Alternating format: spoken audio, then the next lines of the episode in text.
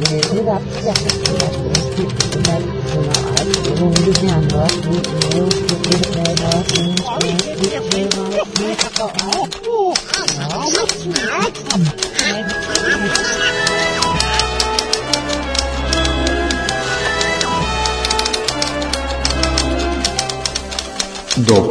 из Диснейленда. Тишина тому. Ничто меня не смешно.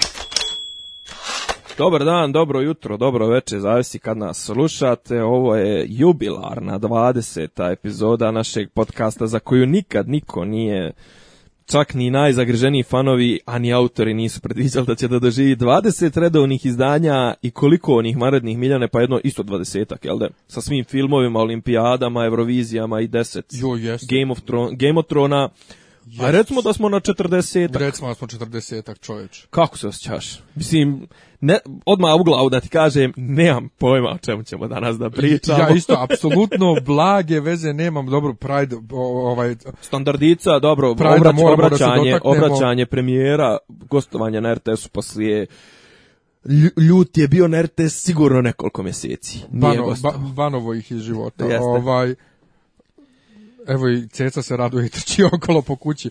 Um... Namirsala je nešto. Namirsala je da ćemo ja i ti da budemo danas genijalni kao nikada do sada. Jeste. E, kako se osjećam? Pa ja uopšte nemam utisak da, da nešto to toliko dugo trajalo. Ovaj... Ja, zato što smo imali te, kažem, imali smo te momente kad smo, imali smo jedno vrijeme smo snimali po tri sedmično, malte ne, Euroviziju smo snimali, ta, te sedmice da. smo snimali tri sedmično, onda smo bili zaredali sa onim filmoma, kad će ovi novi Ajde, kad ćemo, neke, e, e, o čemu bi mogli sljedeći specijal, kad izlazi sljedeći neki pa, Marvel ili nešto? Strange izlazi, Strange izlazi u novembru ili krajem oktobra. Oktobar, novembar, ja. Da. Ali nema, Doctor više, ja sam neki dan išao u kino da, da gledam film, ovaj, da tražim šta bi gledao, ovaj, ali nema bukvalno ništa da se gleda i onda vidim da kod nas puštaju Sausage Party to je onaj prvi animirani uh, e, R-rated, dakle sa, za odrasle, sa psovkama. Ekipa je, ovaj, ne Jonah Hill, nego, jeste možda i Jonah e, Hill, a Seth je... Rogen i... Jeste Jonah Hill, ali nisam... To je ova ekipa, ova, kako se on zove, ovaj, Judd... Uh... E, Apatov, je tako? jeste, ali Seth Rogen... To je, ta, to je ta ekipa. Seth, Seth Rogen mi je tu glavni, ali ja vidiš, nisam vidio, nisam prepoznao barem glas ovog... Um, E, kak se zove on, Johna Hilla. Ja do duše mhm. glasove e, teško je prepoznajem, osim ovih baš karakterističnih kao što je Seth Rogen. Jesi ti gledao njihov onaj prvi onaj projekat? E, tvoja mačka će da nas zapali, pošto ti trenutno imaš neku e, svijeću na, na stolu, a svijeća je ispod kabla, a mačka je podivlja, nije februar, februar koji joj je kurac? Nije, da, jel, jel nas i dalje vidi kompjuter? Vidi, vidi nas, sve je okej. Okay. Ne, da nije izvukla Nije, nije. Uh, je gledao ti njihov prvi projekat koji, te ekipe? Ne, ona serija, no, Freaks, Freaks and Geeks. Ne. Nisi? Ne, ne to bi trebalo da pogledaš. To je, uh, znači on su srednjoškolci, uh, ima James Franco, ima, uh, glumi James Franco, glumi Seth, I ovdje James Franco. Rogen, onaj mali klinac, onaj što i sad izgleda kao da ima 13 godina, onaj mali crni, onaj, ja bi ga odmah karakterisao kao jevreja, onaj, sa malom morku ono, skupljenom facom, isto pojavljuje se u posljednje vrijeme u nekim filmama. Nego, da, evo ti jedan dobar razlog za hejt. Ti hejtuješ Idriza Elb. Aha u fazonu kako nismo mrski ovaj nismo mrski trash, pa- trash projekti. Znaš u čemu je on glumio? U nastavku Ghost Ridera sa Nicolasom Cageom. Wow. wow, to je baš onako... Dobro, ali to je bilo prije nego što je postao ono dvine, poznati ozbiljni 2013, 2013, 2012, 13. Pošto je prvi Ghost Rider je tipa prije jedno 4-5 godina, on je glumio čak u nastavku. Mislim, to sam ne, neki dan, jel, znaš za sajt onaj Taste of Cinema, oni stalno izbacuju one kao liste pišu ljudi kao pola blog, pola liste, 10, ne znam, 20 najboljih japanskih filmova, posjedu recimo 2001. 10 najboljih špageti westerna, 20 najboljih psiholoških drama i kao 10 najgorih filmova Nikolasa Cagea. Ja sam morao da pročitam tu listu. Jo, sam, I na jednoj od tih, i na jednoj od tih na toj listi 10 najgorih filmova Nika Cagea, recimo da je broj 2 je uh, taj Ghost Rider nastavak u kome glumi, glumi Idris Elba. Šta je s tvoje mačke? Ja sam ja, e, znam šta je. Ja sam diro Kera ma ne znam, ona ne zna, ona ne zna, ona ne zna za tu pojavu. prošli put, prošli put sam, prošli put sam bio, mirsuo sam na Kera i nije, nije uopšte. Ne, ne, ne zna ona za pse uopšte, ali ne, ima publiku pa ovaj eto malo, malo je došlo da se igra. Mhm, protrčao, protrčao, dobro radi nam još uvijek mikseta. Ajde. Šta se, šta se dešavalo na političkoj sceni ove nedelje osim Pride. Pa to eto kažem premijer se vratio. E da, ispaljen je ono dva puta krvavo prvi put je ispaljeno ono što ga Oland nije primio, a drugi put e, što sad ide u Ameriku na ovaj e, na tu neku konvenciju, kongres čega te Clinton Foundation, ali neće biti Hillary. I jes, koliko je bio bijesan, e, bio je taj, bio je taj nesretni intervju u, u nedjelju u 21 čas na RTS-u, bio je onaj Gorislav Papić, onaj iz Oka, onaj Rošavi, znaš, onaj mhm. klinac. I on je bio toliko servilan, a ovaj ga je napušavao i njega, jer RTS je ovaj tipa, od tih sat i jedno dvije rečence rekao u zaštitu sebe i RTS-a firme koju predstavlja. Ovaj je naravno dramio je konstantno i onda kao tipa ovaj ga je pitao, pa dobro što idete na taj događaj koji organizuje fondacija Clinton i zar to nije svrstavanje na jednu stranu? On kaže, kako, kako je to svrstavanje? I sad ja da sam novinar, ja bih ga pitao, pa dobro, ovaj, a jel ide neko na Trumpovu konvenciju, naravno to novinar to se nije palo na pamet. Pa ali ne veze, na Trumpovu konvenciju pošalji Đuku Bizona, pošalji Slinu, pošalji Babića, nekog od tih gaf igrača, nebitno, pošalji bilo koga. Jer ovako ti ideš na događaj fondacije Clinton, a Hillary Clinton je jedan od dva kandidata na američkim izborima, Možemo i o tome pričati malo. Mislim, nema ništa bitno, ali je čisto, to je tema koja ono teče. Ovaj, I kao, ti se, pa jebi ga svrstavaš se. Kao, ne, ne, ja to radim zbog Srbije, ja to, mislim, mi moramo ovako, onako, znaš, mislim, nastavno što niko ne smije da mu postavi pitanje, pa prijatelju, tvoji svi savjetnici, jarani i svijeta, to sve, to sve ljudi koji su nas bombardovali, mislim, znaš, onda bi on udario o tome kako je veliki državnik, bla, bla, bla.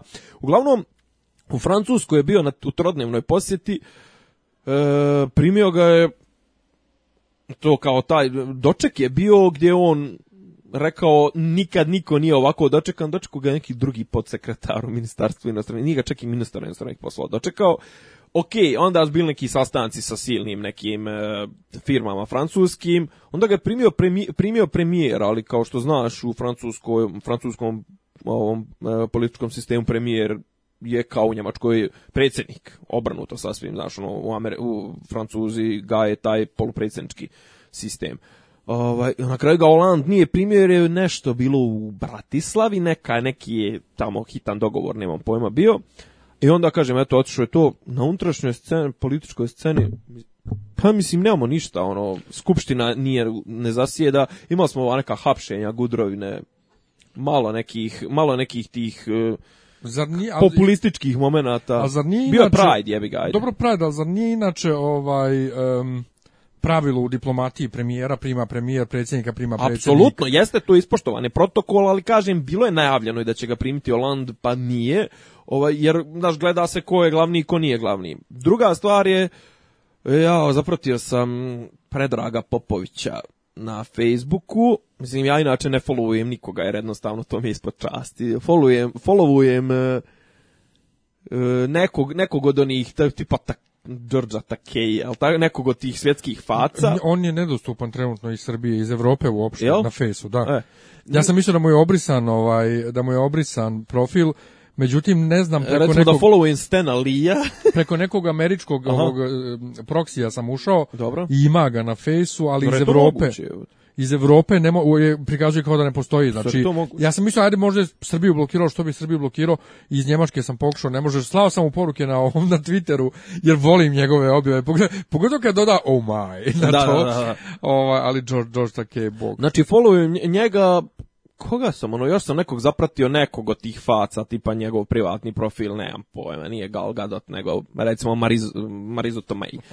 Ono, ma nekog od, i možda neku porno glumicu. Ovaj, I, kažem, nije, ne znam, šta, o čemu smo počeli, šta smo počeli pričati? Gdje smo da nije bilo unutrašnje političkih dešavanja. Ne, nije bilo unutrašnje političkih, nego šta, šta sam pročitao na šta sam pročitao na Facebooku, jebote, mozak mi je stao potpuno. Nemam pojma dobro kažemo, ok, stav, premijer, premijer, predsjednik, predsjednik, da, pa zapratio sam tog Predraga Popovića, to je onaj što ima blog kontra Vučića gdje baš prilično malo i agresivno piše, to je onaj koji je izmislio nadimak Slina. A, čekaj, jel njegov, uh, jel njegov blog onaj Njegova je, njegov kolumnista? A? Kolumnista. Ne, on je, on je bio urednik pečata. On je bio jedno vrijeme ekipa sa SNS-om, pa se popičko s njima i on, njegov je video onaj Ksenije Vučić. Aha. E, on je, on je čovjek koji zna dosta toga, je sad to malo izlopotrebljava, malo ovo ono, međutim, šta je fora? Objavio je tekst koji se zove e, strategija SNS-a za predsjedničke izbore. I on tvrdi da će zapravo za predsjedničke izbore uh, izaći, e, da će ispred SNS-a biti Vučić, jer bilo ko drugi nema šanse. Vučić je u tom intervjuu na RTS-u rekao da on u drugom krugu vidi predstavnika SNS-a za koga se još uvijek ne zna ko je, i Vojislava Šešelja. Što, mogu ti reći, nije isključeno. Nije isključeno, ako, pogotovo ako bude opozicija razjedinjena, Ova, I ajde, ćemo opet o predsjedničkim izborom, mislim. Zato što je, sada fora, Toma je, Tomu su krenuli da napadaju, zato što Toma izgleda, još uvijek se razmišlja da li da ide na predsjedničke izbore ili da li da ne ide. Zašto se razmišlja? Kaže Toma, taj Popović, kaže Toma bi se možda i povuko, ali Dragica ne da. Njoj se osladilo. Njoj se osladilo, kaže, ima dva, tri razloga zbog, zbog kojih ona će da gura njega na predsjedničke izbore. Radomir, Branislav i Evro. Sin, Dva sina i, i Evro, kaže, i Evro i para u koju voli u svakoj valuti. I te fondacije i ovo ono. E sad, kaže, ovaj, ona, ona priča, to si vidio da će Toma da objavi. Ne Toma, nego Dragica će da objavi knjigu Tomini. To. e da, ja tu imam nekoliko pitanja. Dragica će da četrdeset 846 strana. Prvo ima izdava, nešto što se zove izdavačka kuća Andrić je Venac 1. Kako to može, Bog te jebo? Pa je osnovali na brzaka. Pa kako smije da se zove po rezidenciji, mislim, predsjednika? Pa zove se po ulici, ne zove se... Ne zove se po adresi, broj 1. Pa dobro, pa što kod nas to ne bi moglo? A čeka, šta, čeka, šta će biti ako Toma nekim kojim, ne daj Bože, slučajem ne bude više predsjednik? Pa ostaće sljedećem predsjedniku izdavačka kuća. Jel oće li ostati? Kao, hoće li ostati, a šta ako nam dođe, recimo, predsjednik čovjek koji nije oženjen? Šta će biti sa domenom supruga.predsjednik.rs? Pa isteći će za godinu dana i Neće niko platiti. Neće niko platiti. ne, ali, ili recimo, ako kojim slučajem, što se dešava? Evo recimo, to me zanima, ali to sam zaboravio sam recimo da iščitam. Mislim, to se, ovaj, pošto Twitter, ajde da kažemo, 2008. nije bio toliko e, raširen, a sad imaš recimo nalog takozvani POTUS. Znaš šta je POTUS? Uh, President of the United States. Da. Ili kao SCOTUS, kao Supreme Court of the pa United States. E, sad imaš kao... A, pa dobro, da. E sad, šta će biti sa tim nalozima, recimo, kad ode Obama, ja pretpostavljam da to ima neki protokol. sljedeći, da. profesor, sljedeći ovaj, predsjednik. A šta će biti sa Serbian PM nalogom? Mm. Prime minister. da li misliš da će on se odreći tog naloga? Neće. A? On neće to me zanima, to, to je, kažem, zanimljiva je ovaj priča. Ali no, mislim da je papa, jel, jel pa, papi nalog otvoren dok je bio Benedikt, jeste? Da. Mislim da. E, je. sad, sad, ga je, vodi ovaj. duži ga Franjo. Sad ga duži Franjo i Njofran. njegova je slika. Ma Franjo mi je cool. Ja ovo vidio što je izašla. Franjo je cool. Jesi što izašla ova slika mislim, ne znam, pretpostavljam da je, da je, da je fake, ovaj, ali je dobra kao Franjo. Na, na Faith No More. Na, muralu A... Faith No More.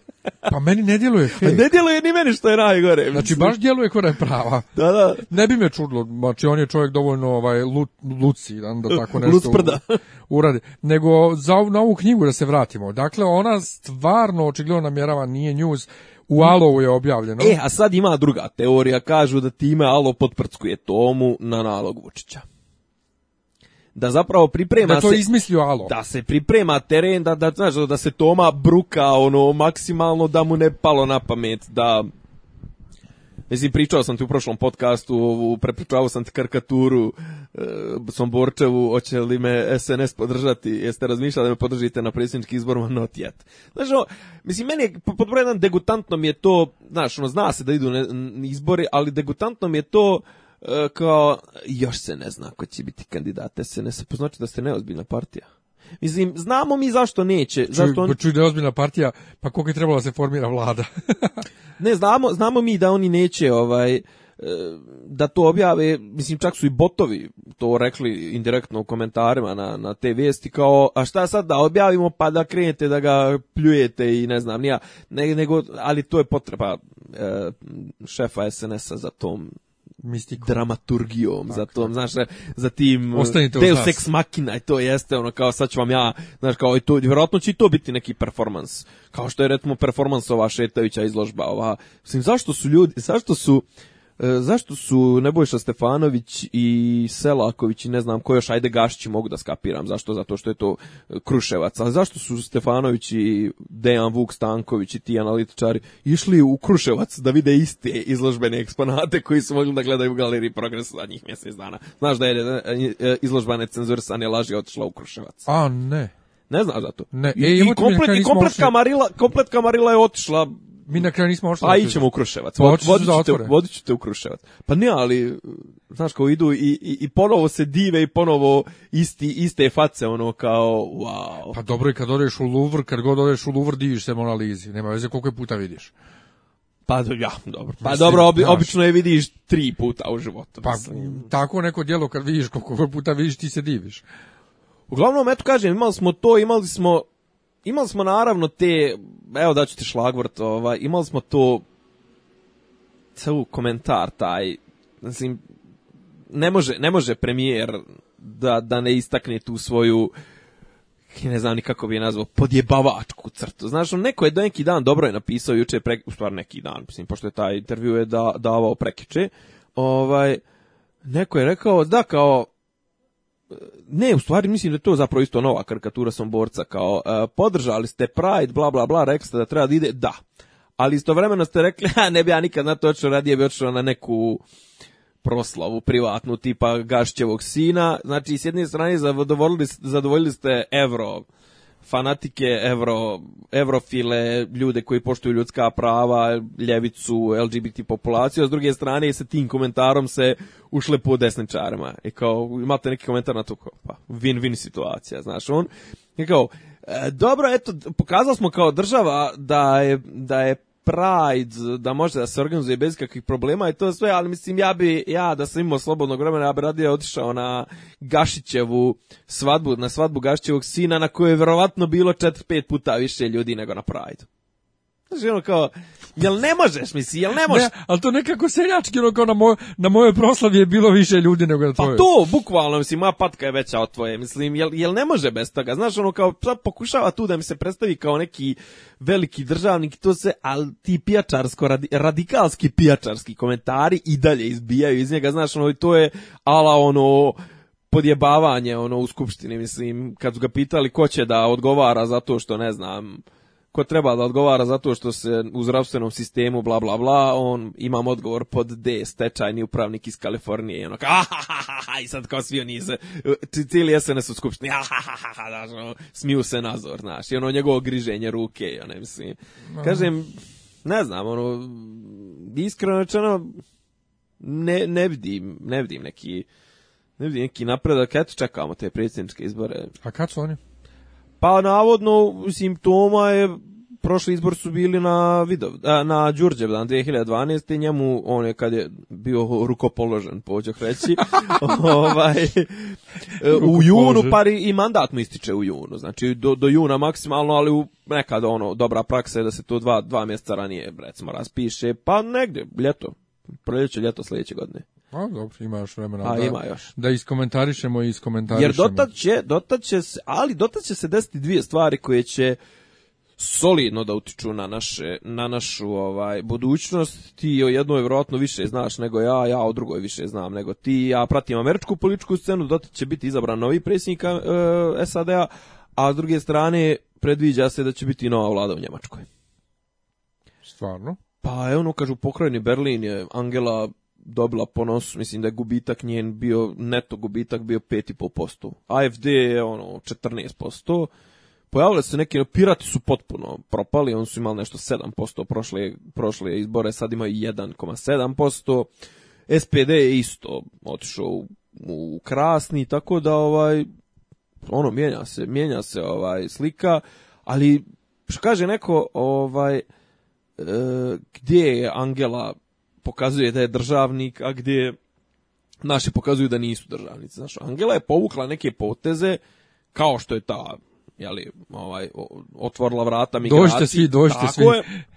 koji su na kraju bili nepopularni i koštali su je pobjede na, na, na izborima, mislim i koštaće će možda nekad u buduće, ali ona je žena imala viziju. Da li je ta vizija dobra, nije nebitno, ali ona je imala kurs i stoji iza toga. Ti možeš ti reći koji je kurs naše, naše države, osim da se dobiju sljedeći izbor. Mislim, naše vlade. Da, dođu, strani investitori.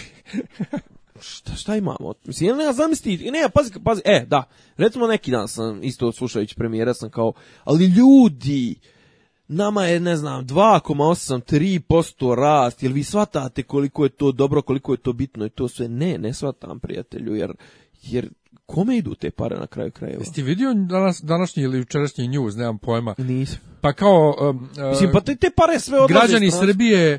Građani Srbije i pored napretka iz navike troše kao da nema napretka. dobro, dobro, dobro, dobro. Ne, mislim, ej, recimo pominjao i to, znaš, kao on, kao mi ćemo potaći kad skupimo dovoljno, kao kad skupimo dovoljno keša u džepu i u gaćama u slamarci, mi ćemo potaknuti potrošnju kao jer imaš dva načina za, za povećanje ovaj GDP-a, imaš tu školu koja tvrdi da je se potrošnju, povećavanjem potrošnje da, da, da se pokreće privreda, on je krenuo nekom drugom stazom, ali šta je fora? Dolaze Kinezi, mislim, Kinezi jebote, najjeftinija radna snaga, mi smo sad ušeljeni što će Kinezi da investiraju kod nas, Kinezi, Arapi, ovo ono.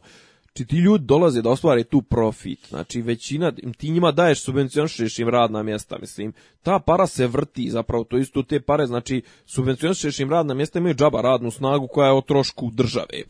Ti, znači te pare, kao nešto će se vratiti kroz PDV, nešto će se vratiti kroz potrošnju tih ljudi koji su zaposleni u tim, ali ti ljudi će u 90% slučajeva te pare da potroše u maksiju koji je zapravo delez E, potrošit će u ideji koja je zapravo Agrokor hrvatski, potrošit će, kupit će, ne znam, te proklete kablove, kupit će te u juri šta se proizvodi, u, e, neka tekstil, šta je? Mislim, Kablovi, ne? Mislim da su kablovi. Nebitno. Kupit će u tom Geoksu cipele i te pare na kraju krajeva će opet otići strancima. Mislim, mi od tog 2,3, pa hoću da kažem, mi od tog rasta 3%, Mi imamo PDV imamo malo te potrošnje koji će narod da ode, mislim, znači profit ide ne, ne, Na, na, stranu, na stranu to što kažeš, ali ja i dalje ne doživljavam kad trošim u da te pare odlaze negdje u Belgiju ili gdje već, razumiješ? Zato što dosta ti, ti proizvodi se prave kod nas. Dobro, marža ide u Belgiju. marža ide u Belgiju, a marža, je velika. Ali, Imamo, to smo stalno pričali i mislim da smo imali jednom jednu temu, zašto su proizvodi skuplji u Srbiji nego u... Jeste, ali ima jedna druga mnogo konkretnija druga stvar. E, uvijek se ono kupujemo domaće. U slučaju Kineza ili Rusa, recimo pa Kinezi nam daju ovaj daju nam kredit da, za izgradnju puta recimo. Znači ili Kinez kaže dovode sve kuvare. Pu, pusti da završim. Dakle, ili Kinezi nam daju kredit za izgradnju puta, Rusi nam daju kredit za željeznice. A onda nam narede faktički da od tih para koje su nam pozajmili kupimo njihove vozove i ta, odmah, odmah im vratimo tako pare, i budemo još dužni para, a tako i Kinezi uslovljavaju time da njihove kompanije budu izvođači, tako da automatski pare faktički ostaju u Kini, a oni odrade, mi platimo neku subvenciju. A ne, znam, samo subvenciju, ti zapravo to je, to je plođenje para, to je plođenje para i to po, po malte ne po mnogo većim, jer zapravo te pare su žive, znaš, ovo, ono, ja ovako, pazi, znači ja tebi dam ti kredit, dam pozamicu, ti dam od hiljadu eura i kažem vratit ćeš mi kroz 15 dana, kroz lupam, kroz godinu dana vraćaš mi 1100 eura. A ovako ja tebi kažem, e, daću ti kredit 1000 eura, ti sme vrat 1050, ali ti 1050 ti moraš potrošiti na e, krećenje kuće ali ja ću da ti krećem kuću. I znači, ja sam zapravo istovremeno našao sebi i posao, a usput sam tebe finansirao mi plaćaš mi neke kamate i to sve, a usput sam se oslobodio novih zaliha, mogu da kupim nove zaliha, znači malo sam proširio sam posao, radim svoj posao zapravo. Tako da zapravo to je dupla, mislim, pa znaš, da, ono, ti govorim. Znači M, se riješiš robe, M, M, ovaj ti, je živa, živa ti je industrija, živ M ti faktički ostanu pare, ti njih ni ne daš, a dobiješ pare. A dobiješ i kažem usput naplatiš još malo onaj još malo naplatiš i, i, i kažem, uvijek su ti krediti, su uvijek što ti kažeš, nikad to nije čisti kredit, uvijek država učestvuje u, izgradnji nešto. Mislim, ako ja protiv javnih radova nikad nemam ništa, to mislim da je to i dalje najbolja, najbolja ovaj opcija za, za, za, kako da kažem, za pokretanje privrede i za trošenje ako nema šta drugom. A jebi ga makar grad pute, mislim, znači će nekom nešto. Ali kažem, to veličanje njegovog božanstva stranog investitora, pa mi na kraju krajeva nećemo imati. Mislim, evo, Ajde, ajde sad da krenemo polako. Šta ti kupuješ u, u Maxiju da je srpski proizvod? Mislim, ok, Coca-Cola se puni u Zemunu, jel? Da. Pa ajde, ali onaj, znači, neki dio profita odlazi na polje. Dobro. Hljeb. Um, Opreza, Oprezan budi kod mliječnih proizvoda. Suhomesnato. Neko. Karneks. Ajde, karneks recimo da je naš. Suhomesnato voće nije naše. Voće nije, uglavnom nije naše. Voće nije naše. Kažem ti, Pavlaka i to sve, to je Salford, je, drži PKB, znaš, onaj, imaš, mislim, ono, a misliš mislim da izvodi proizvodi kod nas ili, ili da, da je baš, baš skroz 100% e, pa naš? Pa pola, pola, mislim. Ne, ne, ne, nego me pitaš za proizvode da a da su 100% naši. Pa ne, ja, sim, sem, sem ti par što si naveo, iskreno mislim, recimo da konditorska... Plazma? Konditorska, mislim da nije naša. A plazma? plazma, dobro, plazma je moguće da je naša. Bambi. Nešto od toga je otkupljeno, ne mogu sad da se sjetim tačno. Recimo, pionir i Soko Štark mislim da nisu naši. Swiss Lion to... je, je takovo, takovo tako, nije naše. Da. Ali ovaj... Tu dosta Hrvati kupovali. Pa Štark naš je hrvatski. Pa da, pa to. Ali, ali plazma je naša. Ovaj- Pivo nijedno nije naše. Nije. Ti ne piješ pivo, ali ne, nijedna pivara osim možda ovih nekih Ajde da recimo da, da lupim da su zaječarsko i jagodinsko naše, ali Čelarevo, Čelarevo i Apatin dvije najjače pivare nisu. Ja z Miloš Jerko kupujem jer brzo izlapi. E, tu kupujem sad ovu to jaru. Ja Miloš je bio, bio diskutabilan, sjećaš se ono da je htio da ga kupi svoje vremena. Ja, ja. Sad kupujemo u Janinu Sensation vodu ovu. Jana, Jana nije naša u startu. Pa to, Jamnica, da. ali nemam pojma, ali ja o tome ne razmišljam, jer, znaš, koji je moj rezon tu? Ajde. Te pare idu iz mog džepa i nikad se ne vraćaju u moj džep, kome god da odu Tako da, boli me kurac da li je hrvatski, bosanski, američki, marsovski proizvod, ako, ako je bolji, sve ja to razumijem, ali hoću da kažem da, da, hoću da ti kažem da to 3% što imamo mi društveni rast ove godine, to ne znači da će ti kao prosječni građanin Republike Srbije imati bolji, bolji život, e, imati više 3% više para sljedeće godine. Jer od te 3% koje raste, tog, te razlike od 3%, znači nešto ide na plate, nešto ide na poreze, nešto ide na takse, na rentu, na ovo, na ono i to ostaje državi Srbiji, pa kasnije da se dijeli da raste. Ali od ta 3%, 1,5% je zapravo ode, ode strancima. Mislim, to, to hoću da kažem, jer ode direktno kao profit. Mi, pazite, ta država, Država je trenutno u vlasništvu par preduzeća koja su maltene svi gubitaši. EPS, kako je moguće da je EPS gubitaš? A to meni nikad neće biti jasno, jer nemaš od koga drugog da, da kupuješ struju. Mislim, osim, ok, ima činjenica pa da se kupuje socijalni, socijalni mir, da je struja jeftinija nego u okruženju imaš toplane, sve su u minusu. Imaš zdravstveni sistem koji je u minusu. Imaš e, aerodrom koji ne naplaćuje Air Srbiji da bi Air Srbija prekazala se u plusu, aerodrom ne naplaćuje taksu Air Srbiji. Šta ima još državno? Putevi, ajde on su u plusu i to, ali, ali, ali ih ne popravljaju. Uzme kredite za nove puteve. Šta ima još? U Telekom, Vodovodi. Vodovodi, infostan. Mislim, infostan je ovaj, to zbirno naplaćivanje. Tako da, znaš, ono, kada imaš, jebote, mislim, mi smo uspjeli da, znaš, ono, ti imaš državne firme koje su monopolisti i, i posluju s minusom. Ej, znači imaš zagarantovan monopol za, za struju i za, mislim, imaš ove neke što drže male elektrane, to je smiješno. Tako da, ovaj, znaš, mislim, neko je neki, da, juče danas, ovaj, mislim da Đorđe Vukadinović, neko je pisao zapravo, znaš, ono, imaš jedan, jednu predstavu jednu predstavu života u Srbiji, a to je onaka poglašu svoj novčanik, a imaš drugu predstavu života u Srbiji koju ti kaže premijer da će ti za dvije godine plata biti 500 eura, pa neki bude 500 eura, od ti 500 eura, bre, opet ne može da se živi, mislim.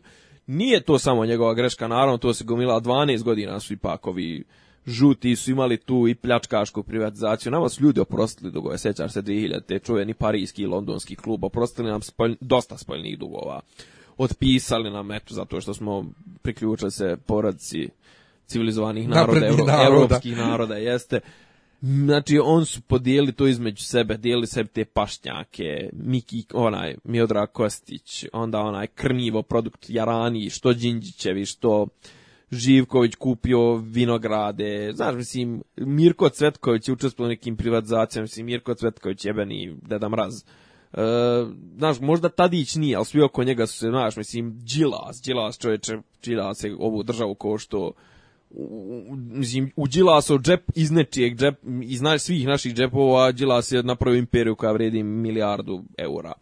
Šaper Krstić, ta ekipa koja je bila zadužena, ta Jarani, idoli, ovaj, Jarani, Tadićevi, znaš, mislim, ne mogu sebi sjećaš se, sjećaš se afere Janjušević Kolesar.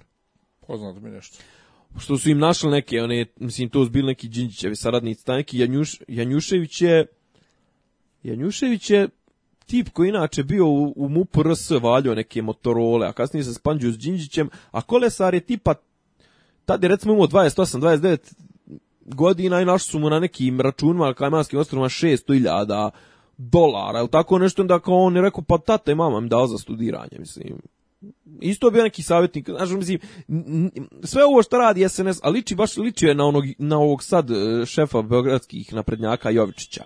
Što isto što rade ovi, sad isto su ovi prethodni radili, tako da, znaš, mi se upropaštavamo, a prije toga je bio Sloba, mislim, Sloba koji je imao svoje kadrove tipa Mirko Marjanović, e, Biđa, Raka, mislim, ti neki lokalci, ono, E, imao ono Dragana Tomića, onog Simpo, znaš, ono, to su bili malo drugačiji, to su bili komunistički kadrovi, ali to su isto bili ljudi koji su bili direktori velikih javnih preduzeća, Vučela je, mislim, Slobin, Kadar, je, jebem li ga.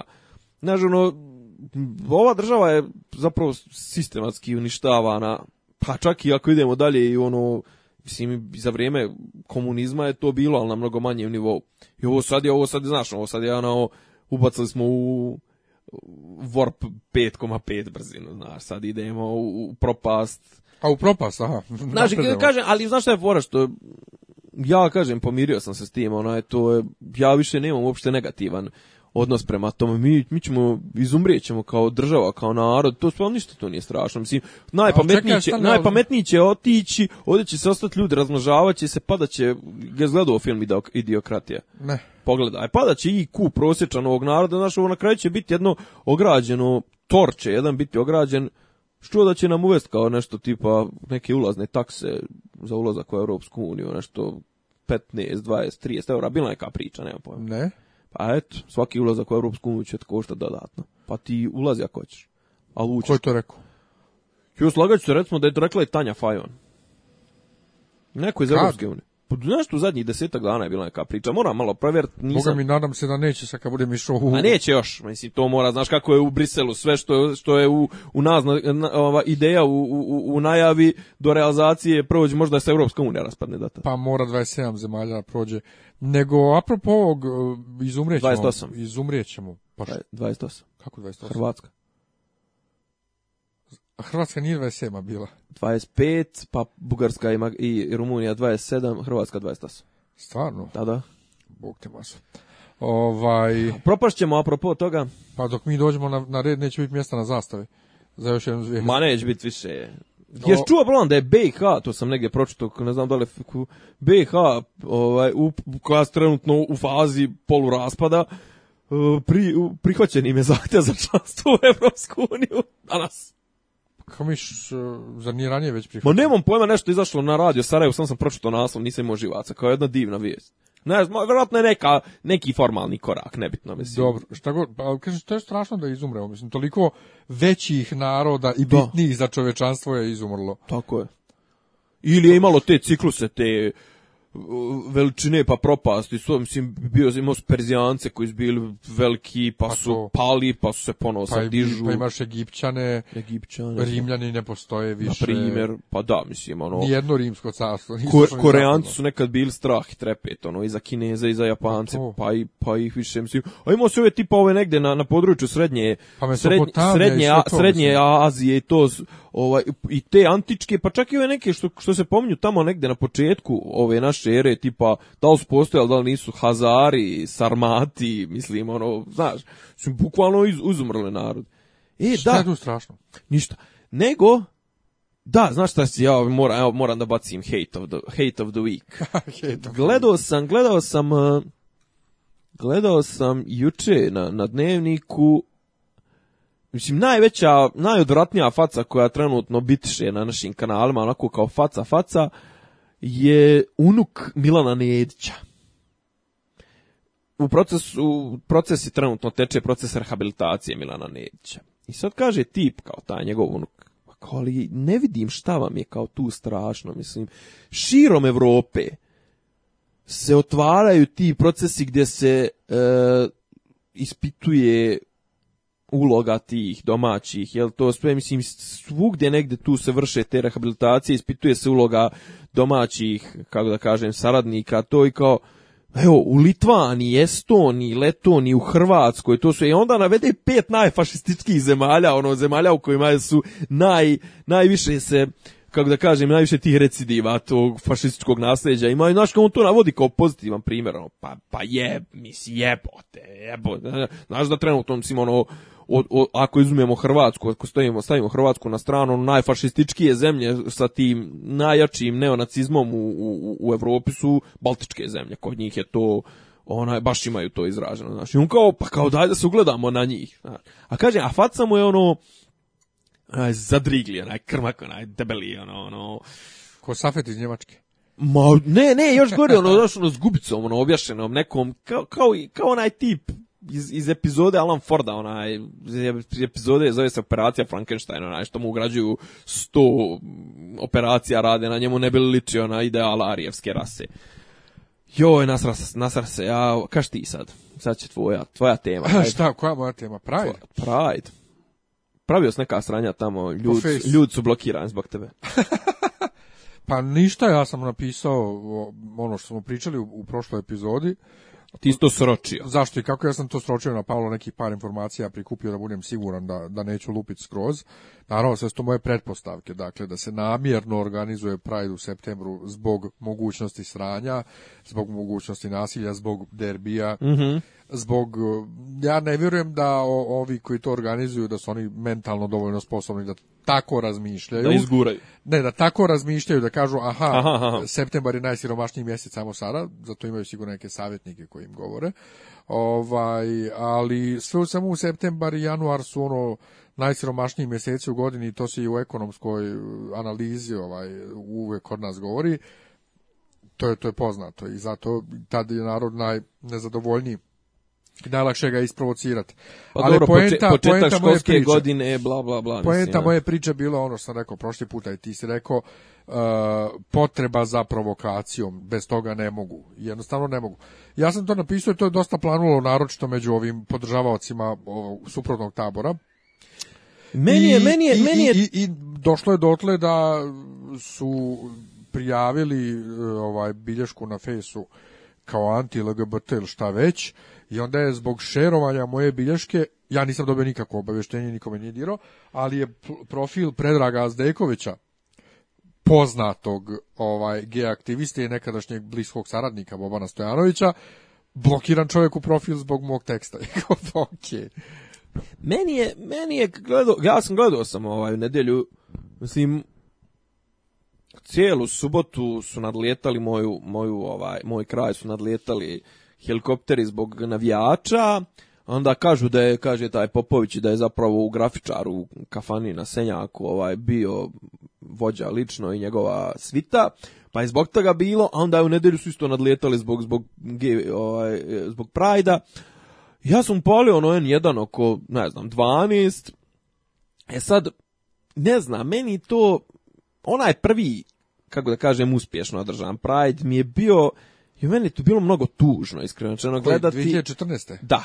Znači ono, kao gdje se ljudi se... A kad kažeš uspješno, misliš bez, bez, bez incidenata. Bez Ili možda čak i onaj prije toga jedno godinu, dvije, što je bio sa nikim onim razbijenim ne, glavama. Ne, 2010. I to sve... je bila sa stravičnim nasiljem, ali nije bilo na, nije niko dopro do, e, do e, kordona. E, taj mi je, je bio... samo grad razbijen. Taj mi je bio tužan. Taj je bio odvratan. Taj je bio, baš je bilo, znači, kao... On to je kad tu nešto... onaj policajac vikao na onog e, povrijeđenog ovaj, huligana šta je, nosi se odavde, šta smisliš, šta me briga što ne možda hodaš, da. moj Beograd si došao da rušiš. Moj Beograd si došao da rušiš. E. e, ali ne, ali tu mi je bila tužno, znaš, kao oni se tu nešto unutar jednog sigurnosnog prstena se nešto kao vesele, pa ih pa su onda potrpali neke marice, pa su ih vozili na neku drugu mjesto gdje je bila gdje kao zatvorena žurka, i on se kao tu nešto vesele, okolo lomljava, mislim, ono, murjaši stradavaju, nesretni da. murjaši. I koji... njih boli kurac. I njih boli kurac, ja, ja ne bimo, ja ne bimo obraza da se veseli i džuskam i to e, sve. I to je jedan od razloga što ja njih napadam. Dakle, njih apsolutno boli kurac, a sad sam ove godine došao do zaključka, ne, ne, ne, njih ne boli kurac, oni hoće da se to desi. Da, da, mislim, meni, baš mi je bilo tužno. Kažem, znaš, ono, kao on se tu sad nešto gledaju, raduju se i iskreno čeno, tada ih je bilo mnogo manje, e, učesnika Pride i kažem to nešto kao neko veselje, ovo ono mislim da je tad nešto, recimo da je Biljana Srbljanović nešto pita, pisala na tu temu i ona je bila i ovaj put. I ovaj put, e sad... Ona je svakog Da, ali kažem ono, imaš... E, ja stvarno realno na ovoj na jedan Pride jedne godine kad sam ispratio baš onako intenzivno 2014. ili možda čak i prošle godine 2015. On gledao sam, kliktao sam slike na Facebooku ja sam iskreno rečeno prepoznao 80% ljudi. Iako ne znam nikoga maltene iz G zajednice, iz LGBT zajednice, ja sam prepoznao 80% ljudi jer su tu bili novinari, političke face, strani e, ambasadori ovaj stranih zemalja, Uh, ovi, oni, neki ljudi koje ja znam koji su očeli tu da čisto ajde kao da se iskurče ili nebitno, mislim, ili možda i da podrže, ali kažem ja, znači ono, realno nisi mogao da ih vidiš, nisi mogao, znači ono, vidiš, sad ne znam, lupam, Udovički ili Pajtića, mislim, znaš da nisu iz te priče, ali su došli tu da kupe neke političke pojene. Dobro, za Pajtića se govori suprotno. Dobro, priča se zvašta. Ovaj, e, ali, e, ali kažem, kažem ove godine. Sve mi je, to onako, ono kažu ljepljivo otužno. Ove godine je bilo kažu isto tako, ovaj ja ne znam koliko je bilo učesnika, ali kaže ali ali otprilike koliko skreće procenat u politici je neko 20, napisao, 30%. u politici je neko napisao da na svakog na svakih devet učesnika jedan je bio ovaj LGBT. Da. I ovaj ali ono što je problem bilo njih 20, bilo ih 100, bilo 500 hiljada, je ta barikadiranje grada, nemogućnost da prođeš gradom. Bazi, e, mora, ja mislim da to mora. Da ti moraš četiri, pa ne mora, eto, u, u ovaj, u junu, koji, za koji se kaže nije bio najavljen i i prvo nije da nije bio najavljen, bio najavljen još godinu dana ranije. je htio ovaj, Oni su nisu pravili agresivnu medijsku kampanju, tek nedelju dana prije Prajda su išli ovaj, u medije. E vidiš, ta agresivna, kampanja je zapravo, što ti kažeš, moguće da je ta agresivna kampanja upućena upućena ka suprotnoj strani da izazove njihovu pa da. njegovu reakciju, jer budu, budu pa da. naporni. Pa da, nisu zvali političare namjerno da se mm -hmm. slikaju, htjeli su prave zajednice, ali i, i sad, Adam Puškar, ovaj partner ovog Bobana stanovića kaže mi ne organizujemo u junu zbog Idovdana. Jer 28. je Idovdana, 27. je ovaj Kristofer Ja mislim da se zajebava. E, pa ja sam, vidio si sam njemu odgovorio, vas boli dupe za pravoslavlje, vi hoćete, vi hoćete da provocirate. Ali ostalom, ako ti tvrdiš da bi za 27 bilo veliko stranje, kako je to moguće onda da su kroz sred centra grada sa minimalnim policijskim snagama prošlo njih sve 20, da ih je samo prošlo sa, sa onim zastavama dugine boje, da ih niko nije pogledao. Da. Razumiješ? Da. Dakle, boli narod kurac. Narod nervira ta agresivna kampanja, Naravno. mene nervira i nervira me da ja ne mogu da prođem grad. Sad zamisli da ja ovako Čelav ćelav namršten bradonja sa tetovažama dođem negdje gdje hoću da prođem i policija me zaustavi. Da misliš da bi da, da, da, da, da, da, da da ne bi pomisli vidio ovaj došao, da, da, da ih tuče. Ne, meni je recimo, znaš, ovaj, e, on to toliko najavljuju i onda naravno izazovu, izazovu mislim, komične reakcije zvane poročna šetnja prije e, prajda i postoga toga škropljenje u ulice, mislim. Ja ne znam da li ove godine bilo škropljenje ulice. Jeste, ali, ali od strane zove se Srpska pravoslavna istinita crkva. A ne, istinska pravoslavna crkva, to je Akakijeva. Inače, e, ove godine... Ko, ko, ko je ta ekipa? Pa, to je odmetnik jedan Akakije koji se davno odmetno... to mi je poznato nešto. Pa da, imali su sad skoro se... Je li on neki, je neki liječeni narkoman? E, ili je to ili zatvorenik neki, nešto Tako jeste. je, nešto jeste. Nešto jeste, ali... Nešto je, uglavnom vratio se na pravi put. A, a poručna šetnja je bila i iskreno nije bila toliko ispraćena. Ali, nije uopšte bila ispraćena. Da, ali hoću da kažem, e, kontam ni tu ekipu, znači ti to, e, neko, mislim, poje, cijele priče, što ne prljaviš poručnu šetnju u martu? Pa ne, ima onaj dan porodice, tad može na dan. Na Može, ali doćemo do toga, e, hoću od dverima nešto da kažem. Što sam na ovu e, Jesu temu... uopšte reagovali ove ove godine. Mislim jesu, i ne jesu nešto na fejsu. Ovaj, ali je jako indikativno i zanimljivo da patrijarh nije dao nikakvu izjavu. Znaš da on svake pa ni godine... pa ni Risto. da on svake... ni niko. E, da on svake godine u fazonu treba da se otkaže i ne treba ono... Ove godine bukvalno nikakvu izjavu nije dao, što me navodi malo na razmišljanje da izgleda njemu treba neko da ga podsjeti da se to dešava ili da mu da direktivu da kaže nešto, pa da A ne, moguće da nisu propratili, mislim, ono, bilo u svim mogućim medijima i to sve. Možda, možda Pa moguće, ali za dveri, htio da kažem, da sam imao jednu malu raspravu na fesu, ovaj, Okačili su nešto Bobana koji priča u skupštini nešto, neki odbori su bili u skupštini ovih dana, valjda nema Pa su pričali nešto o, usvajanju djece. Aha. I onda dveri pišu, oni hoće da usvajaju našu djecu, ovo ono tamo. I sad dveri su uvijek imale taj diskurs, ruše nam porodicu, usvajaju nam djecu, ali čeka, a, Prvo, tvoje dijete ne može niko da uzme. Znači, ako, ako imaš brak, imaš Ako imaš funkcionalnu porodcu, tvoje dijete je dio tvoje porodce tačka. Pa da, ne može niko. Drugo, ne može niko svojim neženjenjem ili ženjenjem za muškarca ili ženu da tvoju porodicu sruši. Znači, ti imaš svoju porodicu, ali to, je taj bolesni kolektivizam. Ja sam danas raspravljao s nekim apropo tog... Ovaj... Ne, ali, ovaj- ali svi, svi sva, mislim, ajde postavimo stvari ovako, mislim, neću, neću direktno da se svrstavam ni na jednu stranu, ali da postavimo stvari ovako. E, dijete koje je došlo u situaciju da bude usvojeno, je očigledno proizvod nekog neželjenog događaja, nedobog, e, Mislim, najstrašnije je bilo, ali tu uglavnom je porodca ko što treba. Mislim, ako, ako roditelji stradaju, ali to uglavnom onda preuzma neko. Ali, mislim, djeca koja su dovedena u situaciju da, tu su napuštena djeca. To su djeca koje su roditelji zlostavljali, maltretirali, loše ih tretirali, nikakav život koji su, kojim su djeca oduzeta. I to znači, to su već djeca koja su, nesretna morala, mislim, pobjegla ili su bila iščupana iz, iz, iz loše, loših objektivnih okolnosti. Mislim, znaš, ono, ona su već nasla, nastala heteroseksualnom vezom pa da, i pa začećem, mislim, koje je još uvijek moguće jedino između muškarca pa i žene. E, ali mene, tu, kažem, mene Srbi to kod veri taj, taj diskurs, e, nam, mi, nam. Uh, I što su većina, dobro, to je kolektivizam. Da, ali to su većinom ljudi, na stranu Boško koji ima troje djece i ne, ne I ovaj većina su to ljudi koji nemaju e, ni približno šanse da će da imaju djecu. Razumiješ, koji nisu možda pičku u životu vidjeli. Na primjer. Ali kad ih vidiš po fesu, kad histerišu, sasvim ti jasno da to nije seksa imalo u životu i on sad tu priča o tome kako će neko njegovu djecu, mislim, nam djecu.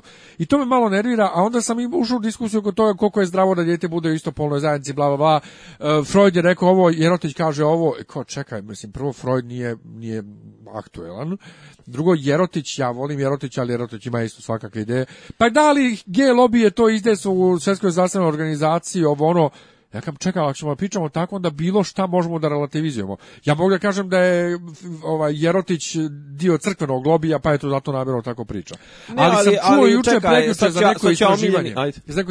Pošto u Americi to usvajanje djece ono, iz Kine i tako, to, u tim isto polim zajednicama, već je prošlo toliko godina da neka od ti djece su odrasla. Mož, znači, možemo da damo neke, neke sudove. I radili su neka ispitivanja i ispostavilo se da otprilike podjednak broj djece postane homoseksualan iz ovakve zajednice ili iz ovakve zajednice, dakle Ali ako ti tvrdiš, ok, ja sam isto protiv usvajanja djece, jer ja sam u fazonu mora ima majku i oca, ali evo i ja sam u suštini djete samo hrane majke, ovaj veći dio života, jer ti ako kažeš dijete mora da ima i majku i oca, znači ti automatski osuđuješ sve ljude koji su odrasli bez jednog od roditelja. Na primjer Samohrani majke, samohrani očevi, umrla majka, umro otac.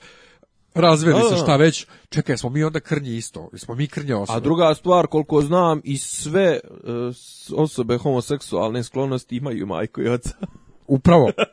Znaš, tako da to nije nikakav Ne, ali znaš kao, e, E, znači, e, heteroseksualci prave homoseksualce. Homoseksualci ne prave ništa. Pa da. ne mogu da prave ništa fizički, genetski, bla, bla, bla. E, A opet, kažem, da utiču na njih, pa ne, ne znam, iskreno rečeno, ajde sad da se nalažemo. gej lobby je dovoljno jak pogotovo medijski, da on može i da on dosta toga forsira u nekih svojih vrijednosti nevezano za to da li su ljudi, da li žive, da li su djeca, da li odrastaju u heteroseksualnoj zajednici ili homoseksualnoj zajednici. Svako od nas je lupam sad, svako od nas je gledao Willy Grace jebote.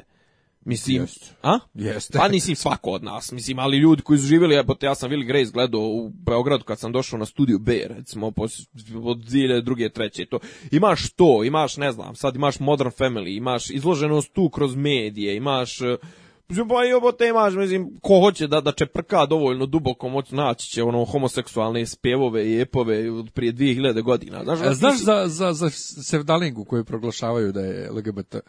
Uvode uh, ubode me i ne, i ubode me Nego, snijeg pada na behar na voće. A neka ljubi kogod koga hoće, da. pa dobro. ako neće, nek se ne nameće, to je, to odlična stvar. Ovaj, ali hoću da kažem, e, ono, mislim, izloženost, kažem, druga stvar, ja i dalje vraćam se na svoju bolnu tačku, ja i dalje tvrdim da u sportskom novinarstvu postoji gej lobby koji nama, nama heteroseksualnima ne da da, uđemo to prvi put u tu ekipu, pa bila je neka priča svoje vremeno da je to, ali to je jedna vrlo zatvorena ekipa i bukvalno, znači ja sam par, na par puta, na par mjesta sam pokušao na par da, punktova, na par, na par ulaza sam pokušao, da ne kažem orifis. Ne, ne, punktovi zbog, zbog prajda. Da, da, da, sam pokušao da uđem u te krugove i uspelo mi je da prostiš dopala. ušao sam do pola, ali nikako da uđem. Onda, onda nikako se da uđem cijeli.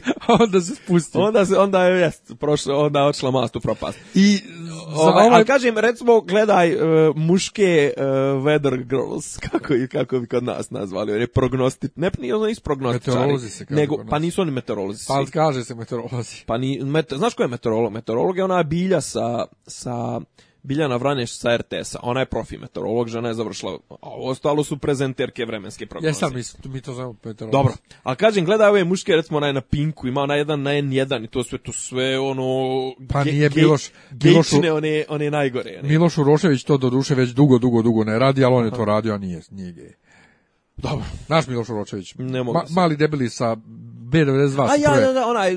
Galileo. Kasnije je prešao, ba dobro on je, da. Ovaj, ali kaže, imaš tipa na Pinku, imaš tipa na N1 i to. I generalno, mislim, mislim da je, sad možda se greš, greš dušu, ali nekako prirodno je to da, da ovaj da, da su mnogo više zastupljeni g populacija u medijskoj u medijskoj industriji da jednostavno ljepši.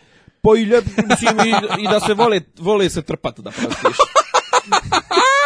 Trpaju se. Ovaj. Au, au, Ne, ali mislim, prodorniji su u smislu, pa i da kažem, naporniji, generalno taj njihov swag prolazi bolje na medijima. I mislim da to, ali kažem, onaj, da, jebi ga, eto, sad, sad ću pomenuti Jimmya Sevela, ali... Dobro, ali se vratimo na, na ovaj... Na, pride. Na pride. Dakle problem pride, Pride pro, da ispričamo da, još nešto. Problem pride je što ovaj dakle barikadira se grad i nerviraju se svi građani koji ne učestvuju u tome što ne mogu da prođu svojim gradom. I znaš da mene to nekad lično pogodi, drugo, a, a, ja, ja, sam prvi... Pa eno premijerov brat nije mogao kod mame i tate na ručak da prođe. Pa što nije mogao nego dobio po pa su ga prebili zbog toga. I on i brata od, pre, od, gradonačelnika. da... S koji se slučajno sreli sa društvom iz vojne policije, u civilu. Iz žandarmerije Niške. Tako. A ne, a ne, ne, a misliš ovi pratio, iz Kobre, ja da, Kobre. Ja, oni su Kobre, slučajno se zadesli tu u civilu i, I rekli, aj, ajte i vas, i rekli, ajte i vas I rekli, Andreva, mama tako lijepo kuva, ajde da jedemo je sarma? Ajde da jedemo. Ajmo na sarmu. Kod ovaj, to je jedno, a Čekaj, drugo... je to bilo? Isto u septembar, jel da? To je bilo 2014. Prije dvije godine, ali isto ovo doba godine. Na paradi, ja. A to ova parada. Pa svaka parada je u septembru. Dobro, nije, ima ta junska. Pa ne, ta junska je tek od prošle, pretprošle mhm, godine, tako nešto. Sve u svemu, e, to je problem. Drugo, što oni Ugao, ugao Birčaninove i Svetozara Tamo da se podigne ploča, spomen ploča. To mi, a kažem kad Andrej Vučić koji mi je ukradena lična karta. Kad si znaš kako kaže, znaš kako kaže pjesma ona grupe Time ili dalje Topića, kad si sam, kad je sve tužno, ti se sjeti nje, ti se sjeti tog snimka. Meni taj snimak kad god sam tužan, to sve ja pustim. Taj snimak kako mu se uvijek. Jo! ja to ovaj danas dan nisam gledao i ne planiram. Ja, znaš kako je, uf, ople, Ovaj, e, problem je što oni ne, ne, ne, ne, rade ništa. Dakle, oni organizuju tu šetnju za barikadiranu ovaj, policajcima ovaj, za nekolicinu ljudi i ove godine koncert, to ove tri pjevaljke, to jest mislim, nisu pjevaljke, Nataša Bekvalac. E, jel Nataša pevala svoje pjesme? Bojana, ne znam što je pjevala, nisam, ovaj, nisam bio, brate, ali sam saznao, iako ona tvrdila na Instagramu da nije primila ni dinara i da, nije, da se odrekla honorara, e, sve zajedno njih tri su koštale 9000 evra. No, pa možda, ovaj, možda i sa ozvučenjem i sa... Ne, ne, ne, ne znam, Samo honorar, honorar. Ovaj, ali oni ništa ne rade, ništa nisu radili za, za zajednicu.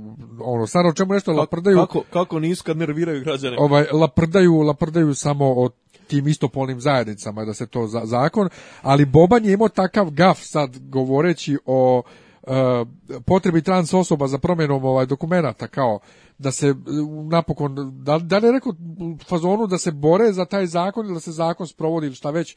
Dakle, zakon da se nakon promjene pola dobiju ovaj dokumenta nova. Dobro. A taj zakon M već postoji, M funkcioniše bez, besprekorno. Znači on ne čita. Pa ne prati. Pa čovjek nema kada prati jebi ga kad ovaj kad kad priprema Pride ovaj cijele godine. Tako da ovaj Pride ovakav kakav je ja nažalost ne možeš ga podržati. Pa niti mogu da ga podržim i moram da se složim s ovim, ovaj, kak se zove ovi, e, nazovimo ih nacionalisti, e, koji kažu to je jedna farsa. Arkanovci. Pa DSS i tako. Tigrice, mačkice. Pa to, to, znači, to je zato što ne, ima ova druga ekipa ova što, što ih, što ih puškare ovi zovu Tigrice, mačkice. Pa da, to je zato što je jed, Ali nisu jedna... DS, DSS, on su, on su... Ne, ne, ne, ja govorim o, nacional, o, o političkom. Aha. Ali apropo mački, mačkice, tigrice, e, dakle, da to misle na Helenu, vojno lice, i na ovu jednu ovaj, u Egalu koja je bila u Arkanovim tigrovima. A, a nije Helena bila Nije, nego dru, druga. O, Helena je bila standardna vojska. Čekaj, izvinjavam se, ako premijeru možemo da progledamo i da kažemo bio je mladi lud, e, govorio je sto muslimana za jednog Srbina i to su što pa ne možemo i toj ženi. Pa upravo se o tome radi, to, ova prozivka je gal, Boris Milićević, mm upućena Bobanu i ovima, kao čekaj, šurujete sa SNS-om i to, to je okej. Okay. a pominjete nama ružnu prošlost. Pa da, da, ovamo Milošević. Znaš ti, to, to je čuvena rečenica, za, za, oprostite mi moju ružnu prošlost. E, Fulbaler? Mustafa. mislim Mustafa e, Vladimir Stojković onaj pa, muž ono Bojane Bojane pa to što ja, je onaj podigo, što je podigo ja. na majicimu mu napisano oprostite ja, moju ja, ružnu prošlost zato što je on bio kapiten zvezde i kao navodni veliki zvezdaš i onda kad ne znam prešao Partizan prešao Partizan i ovi naravno krenuli prozvali ga Mustafa po onom liku iz filma Boj na Kosovo što je bio nekad Medikus a posle ga postao Hećim e, tako i ovaj Mustafa o, ovaj, tako i ovo znaš kao oprosti, oprostili su premijeru ružnu prošlost a neće tamo nekim prašinarima koji su bili u parkanovim tigrovima je u 90, ajde recimo ne u 90, ali recimo u 80% slučajeva vjerojatno ništa nije. Da. Posebno zanimljiva, zanimljiv podatak koji mnogi ne znaju, ovaj, i neće ga ni čuti pošto nas ne sluša mnogo ljudi, prc, ovaj... E, ekskluziva. da, ekskluziva za naših dva slušalaca. Dobro. Slušalaca. Dva e, slušalaca. prozivaju Borisa Milićevića što u SPS-u, razumiješ? Da. E, Boban se učlanio u SPS 99. Znaš kako ti kao učlanjenje u SPK, to ono, pa učlanjenje Boris u SPK 99. to je kao da se učlaniš u onaj NSDAP 45. pa, a, pa svejedno, Boris je u, u SPS ušao tek... Nije bio nam, znači, znači da nije na mirso e, strujanja. Boris se učlanio u, S, u SPS tek tamo 2009. Čekaj, ali ovaj mogo da tada se učlani, zar nije, da nije se učlanio u pomladak SPS-a? On je, doduše on je mator, on je već tad imao 20 kusur, jel? Pa Ko je on, 70? Da, tako, da. al Ali hoće kažem da on proziva, znaš, e, proziva čovjeka koji su učlanio mnogo poslije Miloševićevog vremena, a on se učlanio ono dok je Milošević još bio živ. Tako to, da, je to ono, provjereno? Pa, ja vjerujem mojim izvorima. Dobro, da. zadržat ćeš ovaj pravo na... Da, ja moj izvor ne otkrivam. Naravno, pa da, kao, i, kao i svaki ovaj- pravi novinar. da.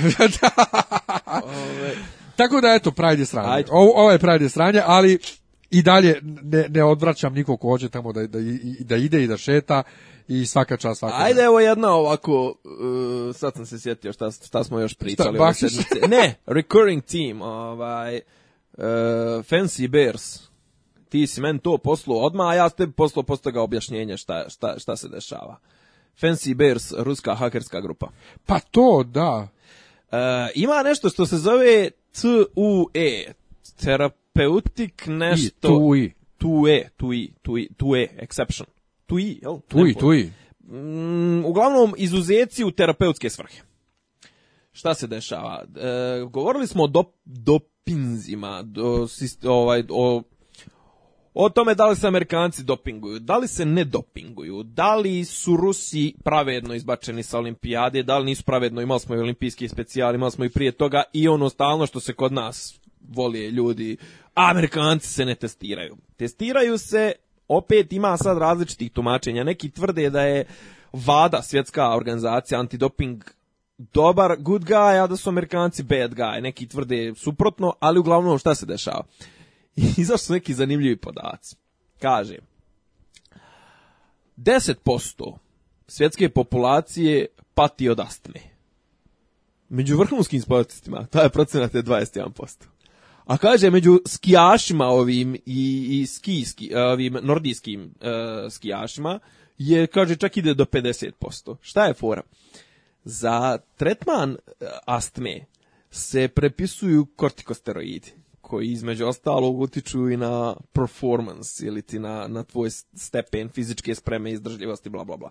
Uglavnom, pojavilo se, pojavili se ovi likovi, e, lik, kao curenje, e, Rusi su došli do određenih mailova, dokumenata, o tim takozvanim izuzecima u terapeutske svrhe. O čemu se radi? E, ti kao sportista imaš pravo da kažeš svjetskoj antidoping agenciji ja imam to i to medicinsko condition, ali imam to medicinsko stanje, moram da uzimam određenu vrstu lekova. E sad, dvije su popularne discipline gdje su Ameri onako, kako da kažem, često pate od toga. Ovaj, i, onda ta vada ili ta nacionalna agencija njima daje taj takozvani exception, izuzetak, da mogu da koriste u određenim vremenskim rokovima mogu da koriste određene substance koje su na listi nedozvoljenih. A tu su uglavnom se ti steroidi, uglavnom ovaj, ta neka hemija. I uglavnom se koristi za dvije stvari, za astmu, kao što rekao, koja je duplo zastupljenija kod sportista nego kod e, obične, obične populacije, što je zanimljivo. A druga je da se kod, kod tih Amera se konstantno im se ustanovljava onaj AHD, i ne ADHD, Ja, ADHD. da, isto. da, pa da, ovaj, deficit, ovaj, attention deficit disorder. Znači, Ameri imaju problem da je, znači, oni se i dalje, e, dosta njih se puca tim aderolom, koji zapravo e, povećava fokus, povećava ono zato što kao u, u djetinstvu im je ustanovljeno da imaju poremećaj tog nedostatka pažnje. E sad, poremećaj nedostatka pažnje to se kod nas zvalo jeb ga živahan si, nemiran si, nemaš, nemaš, nema, imaš crve u guzici zapravo se zvalo i ne možeš da sjediš na školskom času mirno i da pratiš 45 ovaj, minuta čas, nego eto, znaš, ono, nešto zvrndaš. Danas je sve bolest, sve se proglašava. I danas, znači, to je sindrom, to je zapravo sindrom koji se u Evropi i dalje rješava više psihoterapijom, a u Ameriku, Ameriku naravno hemijom rješavaju. E sad šta je problem? Što ti kad uzmaš te, taj Adderall, ovaj, on zapravo tebi podiže ti fokus i koncentraciju, što je u određenim disciplinama sportskim, u stvari u svim, a pogotovo tipa u streljaštvu, u bacanju koplja, u tim nekim tehničkim disciplinama gdje ti je potrebna, u skoku a gdje ti je potrebna milimetarska preciznost i ono, fokus milimetarski, taj ti daje neki ono edge, jebi ga daje ti prednost. Tako da, ovaj, kažem, sad se pojavio taj lik gdje su navedeni Serena Williams, neki kažu Nadal, neki biciklisti, ova Simon Biles koja je osvojila četiri zlata na olimpijskim igrama u gimnastici, ona žena ima 20 godina, a njoj daju lijekove ono za stanje koje se otprilike otkriva za taj sindrom koji se otkriva u trećem osnovne i koji otprilike traje i treba da se tretira do nekog šestog, sedmog osnovne. šta ti imaš, kakav ti imaš poremećaj pažnje s 20 godina, materet? E, ja sam pročito vezano za to za te izuzetke. Dakle, moraš na ljekarsku komisiju koju u svakoj dobroj socijalističkoj zemlji. Naravno. Tri ljekara moraju da budu u komisiji i ovaj mora da se ustanovi da ta droga koju uzimaš, odnosno taj lijek, e, ne utiče na performans. I sad je meni bilo zanimljivo, ček, ček, ček, ček, ček. Ako već se ustanovljava da li utiče ili ne utiče na performans, zašto je onda uopšte zabranjen? Razumiješ? A, s druge strane... Ako mora već naknadno da se utvrdi, ako će da ti napravi izuzetak, da to tvoje uzimanje ne utiče na performans, pa ako, ako, vi ne znate da li utiče, ako, ako, je, da. ako postoji mogućnost da ne utiče, zašto je zabranjeno onda uopšte? A s druge, Nešto bi se tu bulja. A s druge strane imaš, postavimo stvari ovako, uh, Usain Bolt ili recimo, nebitno, Miloš Teodosić, on čovjek Boga nadario tako napravio ga tako da je on talentovani Bolt talentovani za trčanje, ovaj talentovani za za košarku. I e sad imaš nekog koga je Bog nije nadario time, nego mu je dao ovaj ADD. Pa čekaj, što ti peglaš to? Što ti onda hemijom peglaš to kao, kao, pa kao on je u nepovoljnom položaju? Pa jebi ga, prijatelju, zar cijelo fizičko e, bavljenje nekim sportom, to je, zar to i nije uopšte, kako da kažem, takmičenje nadarenih protiv nenadarenih i ljudi koji više treniraju i pa manje koji bilo šta drugo. Pa to! Neko svira violinu, neko je ljekar, neko je čistačica. Mislim. Tako je, tako je, znaš, kažem mi ono kao, ali on je kao stavlja se u neravnopravan položaj. Postavlja se, brate, mislim, ja sam... Pa život je neravnopravan. Pa ja sam u neravnopravnom položaju kad igram košarku protiv čovjeka koji je 2.15. Jel tako? Pa ja. Ili tipa ja sam u neravnopravnom položaju ako se šibam s čovjekom koji ima 140 kila mišića. Mislim, ne razumijem, znaš kao, jer, a sve se, kažem ti ono, proglašava... Politički korektan svijet. Da kažem, sve se proglašava se, znaš kao, proglašavaju se neki, zapravo, šta je fora? Neće on biti ni za šta kažnjeni, oni će ovaj jer to je kako da kažem više moralno pitanje da li je u redu da oni koriste pod navodnim znacima lekove koji istovremeno i daju neku, neku prednost i kažem, još uvijek je to siva zona, ali pokrenule se neke stvari, tako da ne dopinguju se Amerikanci u klasičnom smislu, ali očigledno da su oni uhvatili ne, uhvatili su krivinu zvanu ovaj attention deficit disorder i ja mislim astmu za astmu koriste svi. Jebot, ej kao sad kao imaš neko opravdanje, neko je napisao pa kao da da kao astma e, profesionalnim sportistima je mnogo lakše da zakače astmu jer su mnogo više se troše, mnogo više kao veći broj udisaja, veći broj ovog onog, a izloženi su mnogo više recimo ovi što ne znam biciklisti pošto oni non stop šibaju po ovim na otvorenom, ne znam, Giro d'Italia, Tour de France, Vuelta i oni kao stalno provode provode vrijeme na, na putu ovaj i udišu isparenja, udišu ono atmosferske prilike, neprilike, kao eto, kao znaš kao kod njih se razvija sasmo ispod, znači da je sport zapravo ne zbavlje, ba, djeco, bavite se drogom, a ne sportom. pa jest. Znaš, ovaj, kažem, u, u, u branjenju tog svega, znaš, ono, pokušavaju onda sad da odbrane neodbranjivo i kao ispada da, eto, kao sportisti su nezdravi i mnogo su nezdravi zbog tog svog načina života takmičarskog, što naravno nije isključeno, ja recimo činjenica da je Mo Farahu, čovjeku koji je zadnjih 4, 5, 6 godina, apsolutni bog srednjih pruga, 10 i, 5 i 10 km, znači čovjek za koga bi ja sigurno rekao da je jedan od pet najspremnijih ljudi na planeti Zemlji. Čujem čovjek imao kolaps 2014. poslije jednog treninga i onda su mu dali nešto da uzima nešto od toga što je isto jel, sporno. Jebote, znaš, ono, kao sad, jebote, ako Mo Farah mora da uzima nešto, to mislim, čovjek kažem ti, koga ja smatram sigur, jer čovjek koji istovremeno pobjedi na olimpijadi, već dva puta pobjeđuje i na trci na pet i na deset hiljada kilometara, znači, deset hiljada metara. Pusti me trka oko svijeta. Da, a ne, ali kao, recimo, ili tipa recimo kao postavlja se pitanje, dođe onaj naš neki ne, plivač velja i ono kao plivo je jedan dan u jednoj disciplini, u drugoj ne može crko. Ono dođe Frlpska, otprila jednu trku, onda samo kao ni, ne osuši pređe se. U drugi bazen. Samo pređe u drugi bazen, e, pređe s druge strane bazena, otrči drugu, otpliva drugu trku, onda kao kroz 15 minuta ovdje samo srkne ono u kapućino i ode otpliva za svjetski rekord. za štafetu otpliva svjetski rekord, na, mislim pa, znaš, malo jebem li ga.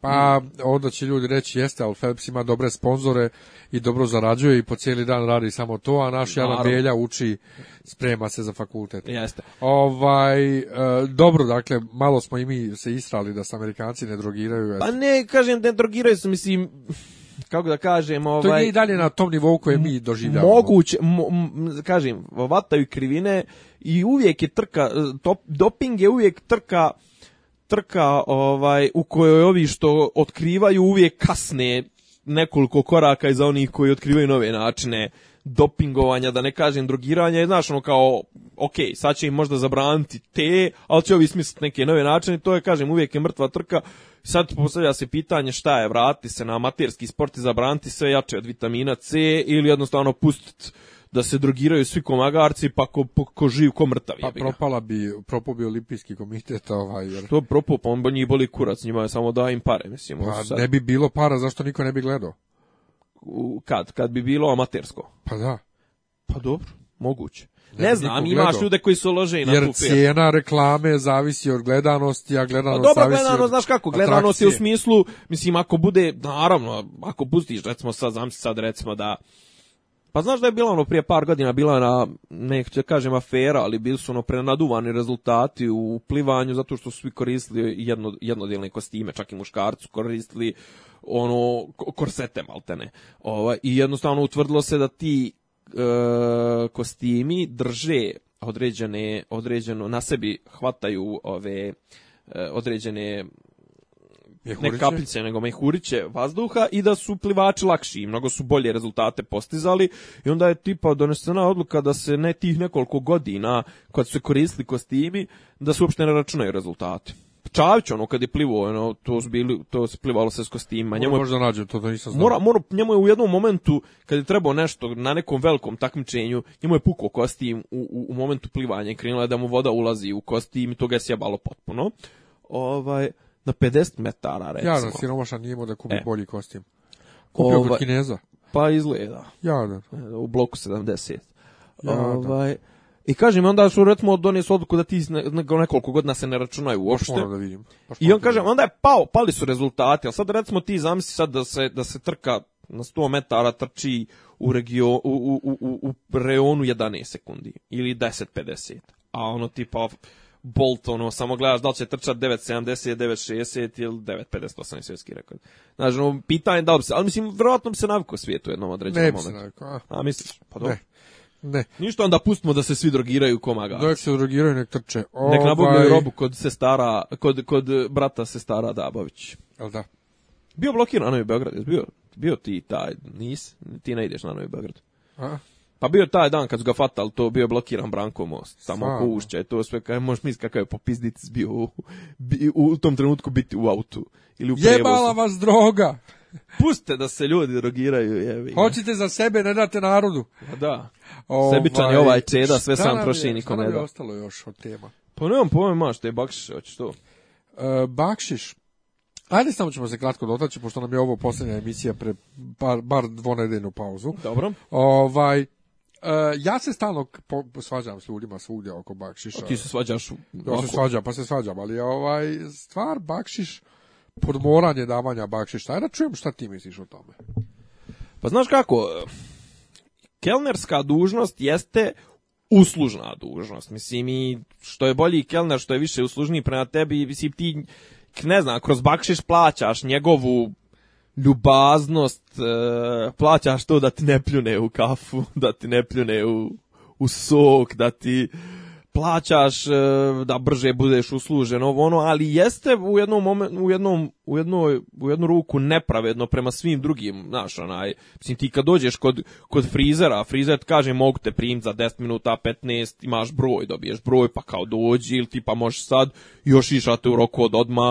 A ovako kao kelner, znaš, ima moj drugare. jedan ovaj... Zašto su kelneri... Iz, uh, ne, zašto su kelneri iznad svih ostalih zanimanja? Kaže, ali on se bavi tom hranom. Pa čekaj, ni medicinskoj sestri ne daješ ovaj, daješ, bakšiš. Daješ. Ne, u svijetu cijelom. Znači to što je kod nas ovaj ta ljekarska korupcija gdje se časti ljekar za sve što uradi kafom i bombonjerom, ovaj drugo, ali Uf, i piletom i, i, i jajima Pa to. to, ali ovaj znači medicinskoj sestri ne daješ bakšiš kad ti da injekciju, ne da, kad ti previje pelene bolesniku i ne znam ja šta. Zašto su Ja sam platio platio kukafani, jedne, jednom sam platio kad su me ušivali, ovaj, platio sam kukafanski, znači kad sam doživio obraćajku i odveli nas u hitnu pomoć i mene krene lik da mi zašiva glavu, udari dva šava i kaže ko će ovo platiti, ja vadim iz džepa 20 maraka i vičem nastavi majstore, kao da častim, kao da sam naručio pjesmu u, kafani. Ovaj, A, osiguranje? a pola četiri ujutro, balan, ono, šta ti je, ne, razbijeni svi, razbijeni glava, e, to sve, mislim, nisam nosio zdravstvenu sa sobom, vjerojatno sam bio osiguran. ja nosim, Nosiš, krenuo, krenuo, balan, u, u, u, krenuo u pičarenje sa Gordonom Živćem, profesorom filozofije. Jo, to, čekaj, je to ono... Kad je Maja stradala. Kad je Maja mhm. stradala. Jer ja sam tad zvao, sad privatizujemo potpuno, ljudi neće razumjeti o čemu pričamo, e, ja sam zvao profesorcu muzičkog Majinu tetku, Maja, moja drugarca iz razreda što je poginula, možete moj parastos ovaj, za nju čuti na YouTube-u, e, zvao da vidim kako je Gordon. I ona mi kaže ovaj da je da je da je Maja stradala, a vi što nisam znao da ti bio s Gordanom. Da, da, ja sam bio pozad. U jebote, sve jedno. E, dakle Uh, ne častiš doktore, mislim, ne bi trebalo po, po PS. Ne častiš ni jedan taj, ali zašto konobar? I sad, evo zašto. Ne, častiš ni jedan esnaf. Evo zašto je. Zato što u Americi e, jedini koji rade ispod minimalca, valjda, su konobari. Aha. I kod njih na računima piše service not included, da. odnosno usluga nije uključena. I ti tu faktički iznuđeno ti je da plaćaš ovaj da plaćaš a, bakšiš. A u Evropi je koliko znam ima ono cifra cifra plus 10 ili 15% tip je ono Ne, ne, ne, u računu idemo redom. Dakle sve to potiče iz Amerike Dobro. i njihovog plaćanja konobara ispod minimalca. Dakle, ispod zakonskog minimalca. Pa ti treba sad da namiriš. I ti sad treba da namiriš. I piše service not included. I onda se to proširilo nekako po cijelom svijetu i sad recimo u Njemačkoj mene neki iznapušavao što nisam konobar ostavio u nekom klubu, što nisam ostavio 5-6 centi ili tako nešto. Kam, ali, ali šta, šta kako ostavim 5-6 centi, jesi normalan? Ovaj, a se radi o sljedećem, dakle u Europi i drugdje u svijetu su plate konobarima normalne i nema potrebe da ti njemu nešto nadomještaš. Ali u Americi umjesto dakle da se bune što im je plata ispod minimalca, svi apsolutno bez razmišljanja prihvataju ideju ok, e, ovaj ne publika nego mušterija nadomješta. Zašto bi ja nadomještao? On radi svoj posao, dobije platu kraj priče. Pa, pa kaže, ali on radite i meni često na to on kažu služi meni često kažu na to kao, a e, ti probaj jedno radiš Pa neću, nisam se zato školovo, ja sam se školovo za nešto drugo i radim svoj posao pa ne, koji znam da radim. Ne razumijem sad, mislim, posao je posao, mislim. Pa e, to, koga je tjerao da bude konobar? Mislim i kasirka u Maksiju ili ona tipa e, što ti, to. ili ona što ti, pa što, pa ti, ona što, ti, što, sječe meso, pa mislim. Ono, pa to, pa nikog, nikog znaš, zašto bi konobar bili? A u nekim zemljama je, uvreda, u nekim zemljama je uvreda, ovaj, tipa u Japanu ili, ili sektor usluga. Znaš kao, baš usluga, mislim usluga je ovaj i, šišanje, mislim, jel ostavljaš frizeru? Tip? Ja ostavljam, uvijek. Što? Zato što e, ja kod moje frizerke ovdje ovaj, na mi radim glavu i bradu. I kod mene ti je šišanje 210 dinara, a štucovanje brade je 100 dinara. Aha. Pritom ona meni na glavi provede 5 minuta, jer ja nemam kose, pa mi, ono, svi koji znaju kako ja izgledam, znaju kako izgledam. A na bradi mi ta jedna provede pa 20 minuta brat bratu. I sad, u suštini bi ja to mogu da zamijenim, ok, šišanje je bilo 100 dinara, jer malo je provela vremena, a ovo ostalo je za, za bradu, ali ja uvijek umjesto 310 dam 400 dinara. Svaki put. Dobro. Zato što jebi ga, žena mi je svaku dlaku na bradi uganjala i sredila, i, iako to nije dio posla. Eto vidiš, eto. I, a dobro, a što ti bilo sad je ljudi, da izvučeš, misli, ja sad tebi, ne, ne, bilo je ja ljudi, sad kontriram razgovora, ne, ne, ali, radi, bilo je ljudi, ja bilo je ljudi koji su doživjeli mene da ja dam konobaru bakšiš. Opa ovdje kod nas. A to je zato što sam bio izuzetno zadovoljan. tipa, bio izuzetno pijan. Tipa u Tribek, Tribeka, onaj, onaj restoran, onaj malo skuplji. Ja bio dva put u životu, jednom, ne znam, prije par godina, jednom prije osam mjeseci i dolazim i prošto konobar kaže, jao, niste dugo bili kod nas, ali vaš stoje kao, nema ga više, kao promijenili smo raspored. Ja kao, okej, okay, tripuje se čovjek, zajebava me, a pokazuje u pravcu gdje sam sjedio. Da bi kad sam naručio hranu, rekao, aha, isto kao prošli put. Oh jebo, mene to spuki. Prije ovaj. osam mjeseci. Mene to spuki. A tad smo nešto čavrljali bili, Aha. prije osam mjeseci. I zapamtio me lik, i naravno da ću njemu da ostavim bakšiš, ono kao, ne. ovaj. naravno ću ostavim bakšiš, ali je poenta ovaj, da, e, to, je, recimo, to da to mhm. ne razumijem. Jer idem, polazim od toga, meni za prevođenje od danas za juče niko ne daje nikakav bakšiš, nego još moram ljude da ganja za pare i možda ja nemam para, možda ja imam taman tih 400 dinara koliko ću ja platim ovaj e, čufte i jednu Coca-Colu i kako ja sad odvojim za bakšiš? To znači, ako nemaš dovoljno para da ostaviš za bakšiš po navodnicima razmećeš se, ne možda da ideš uopšte u restoran. I to mi malo onako... Ba. Znaš kako, moj drugar jedan, on ima, ovaj, njegov odnos prema bakšišu je u fazonu od nula pa naviše. Znači, ako nije zaslužio Kellner, znači on čovjek gleda, bukvalno cijelu noć gleda koliko je ovaj često mijenio pikslu. Da li je donio nešto mimo pića? Koliko mu je trebalo da odgovori na, prvu, na prvi proziv? Svakako. Koliko mu je trebalo da donese prvo piće? Koliko često je dolazio da mijenja, pi, e, onaj, da pita da on treba nova tura? Ono, koliko je bio uz, uljudan, usrdan, koliko je bio nasmijan, koliko je bio nadrkan, ako je neko nadrkan... Koliko nije smaro? nula, znači, ako je neko, znači, potrudio se i tim zapravo bakšišom ne znam, ono kao ajde častiš nekoga, ko, mislim ja ne volim taj pod mast bakšiš, a volim ostaviti kad je neko kad volim je neko i ja, ali, ali nažalost mislim, volim i, i, i za ovome, i, i, za ovome volim i, i volim i taksistu ostaviti mu kusur. Ne, ali ako je opet zanimljiv, opet, je rijedak slučaj. Ovaj, ali za ovo me isto mnogo hetuju po Facebooku kad ja kažem da sam ja kod nas rijetko sreo skroz profesionalnog ovaj eh, konobara koji, koji je zaslužio bakšiš. Da. Razumiješ, zašto su često nadrkani, treba im 20... E, ali tu je, ali tu je recimo, tu je razlika između tih profi koje treba možda im, nađeš ne znam koliko, ali treba im 20 minuta da dođe da me uopšte pita šta hoću, ovaj, pa mi donese pogrešno piće, pa kaže, jel da nije problem, naravno da je problem, neću da pijem to, e, itd, itd, itd. Danas, kažem, ali to je razlika između njih, ja volim te old school kelnere i volim ove u profi radnje, u profi restoranima, profi kafićima gdje su gdje se očigledno i zapošljavaju profi. Šta su za tebe old school? Old school kafančuge. To kad, kad zajebe stvari. Ne, ne, ne, ne, ne, ne, to nego danas baš smo bili, smo u starinskoj kafani i naručili smo domaću kafu. Kaže tip, e sad ćete popit, amator ima jedno 60-70 godina, sad ćete popit ovakvu kafu niste nikad pili. A, rekao, nemoj sad, kaže, al, rekao, znaš šta, kuvam ja kafu, kaže, kuvam ja i to mnogo dobro kuvam. Izbilja kafa je bila dobra i posto ga se zajebavao s nama i kao jel valjala ovo ono, mislim to je ona kafa s ratlukom i sa bla bla bla. Mislim, restoran je ono starinski neki na, na, na vračaru, znači ono sa klopom, sa, sa, i kažem on je ono u odijelu sa, sa, sa ovom e, mašnom leptirkom, sa svim. I kažem, ono, ja sam ostavio sam pa sam ostavio 20%, znaš, ono, mislim, dvije Ja, a pazi, ja ne ostavljam 20%, 15%, i to, po, po, to posto, u postocima mi je, tek mi se povraća, ostavim koliko u datom trenutku, ako mogu, mogu. Ostavio sam 100 dinara. I koliko imam, svejedno, ono kažem, meni je to ogavno i, i zapravo mi je to ponižavajuće.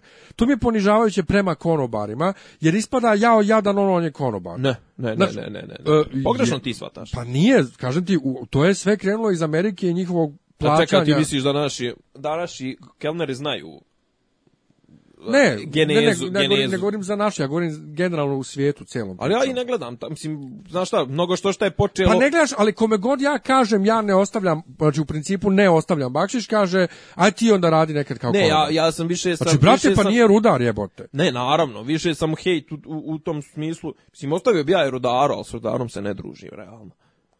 Pa Mislim, neću, ja, ja direktno ali to plaćam. Je, to je sve charity, što bi se reklo. To je sve humanitarna pomoć, u suštini, razumiješ? Pa ne razumijem. Pa jeste, znači, pa pogotovo ako to... idemo od toga, ajde ti, jedno, ajde ti probaj da radiš to, znači ne, samim to mi je, tim... To mi je sranje, ti argumenti Ali, ali taj argument, uvijek je taj argument. Ne, man je taj, Ako taj nas nema mjesta argumentu, ovaj, ili bilo gdje van Amerike, i oni su plaćeni ispod i tako to. Ne idem ni tim argumentom, iskreno rečeno, nego idem na argumentom da li je neko učinio u tom trenutku da se ja malo ljepše osjećam. Dobro, ali zašto to ne radimo? muziku? A? Ti ne ideš na živu muziku Ne idem, ja ne, volim. Pa jebi Ne volim uglavnom tu živu pa muziku. I ne plaćam muziku. I protiv toga sam isto. Zašto? Pa zato što muzika ovaj... A, pa, jel ti znaš da... ima ti svoj honorar i gotovo. Nema ti znaš da u, u, u pola kafana muzika svira za bakš. A to, pa to onda okej. Ne, ne, ma moj drugar koji ne, ne, to je onda okej da im plaćaš, da im plaćaš, ali i to, brate, opet, znaš, meni taj, te muzike vrlo često ne odgovaraju, pogotovo skadarli one... Ja, Skadarliji nisam očeš Znaš, tamo te takozvani tamburaški orkestri. To je skupa jedna gitara, jedna gitara, harmonika i, i to naš no, I Loši su. Ima ih i dobrih, ne mogu. Ali uglavnom su loši. Ne, ali deru se. Naravno, naplaćuju mjesto, ne naplaćuju. ali naš neću ništa iznuđeno. Jebote, došao sam tu da jedem. Ne, ne, neću da mi se pa iznuđuje ništa došao tu da jedeš, onda idi u McDonald's jer tamo nema bakšiša, mislim tamo je ono Da, ali ja neću da jedem svaki put ovaj Big Mac, hoću nekada jedem i, i u krilca. Ovaj, ne, okej, dobro, ne, razumijem te, razumijem te i nema potrebe, ne, ja moraš ti, ne moraš ti, ja u restorane idem zbog hrane uglavnom. Ali, I recimo u datu Tribeku imaju tu neku dobru piletinu koju volim da mhm. jedem. U ovoj malu Slaviju, sad sam posljednje vrijeme često u maloj Slaviji kod sajma, tamo imaju neke dobre ćufte, brate, i baš su dobre i tamo to volim da jedem. I tako.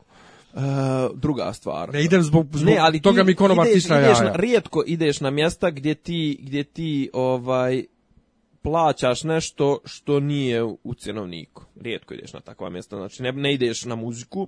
Ne. Uh, ali eto kažem, ostavljaš bakšiš a ne zoveš ga bakšiš, ostavljaš Bakšiš uh, Ne, ne, zovem ja to bakšiš, ja kad dam bakšiš, dam, ali govorim da u ne, ne, principu ali, ne dam. Pa kažem, ja ne volim to podmast, znači to ne volim to podmoranje i pogotovo ne volim to što ne ostavljaš. Mislim, pa moje da li ću da ostavim, da li neću. To, da. Tu, tu, pa ne, ali to mene ne čini boljim i lošim čovjekom, možda, nemam, možda nemam para da ostavim jebeni 20%. Ne, ne, ni, možda nisu u tom fazonu.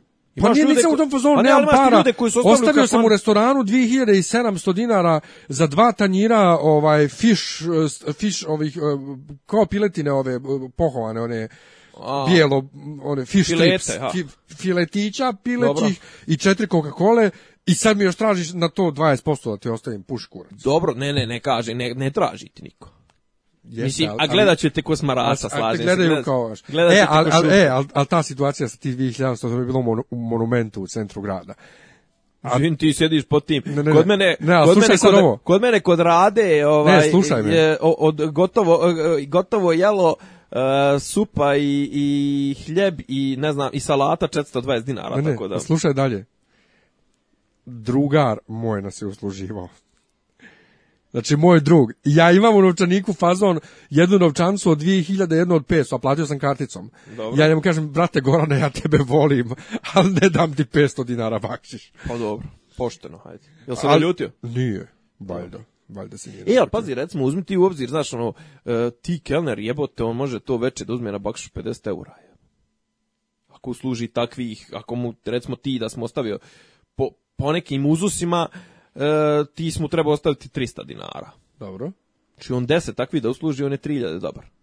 On je dobar 30 eura, 25 eura i, I još... Plus plata. I plus plata, a kažem, 10, ne usluži 10, usluži za to veče, usluži sigurno 30 parova, 30 stolova. Znaš, onaj, tako da, mislim, ne treba gledati na to kao, mislim, Kellner su inače, baš sam pričao sam skoro sa, sa, sa, A viš sam ja seljak, sa jednom sam, djevojkom. Ne, ali koji sam ja seljak, mogu sam da mi da mi razmijeni. A meni to glupo.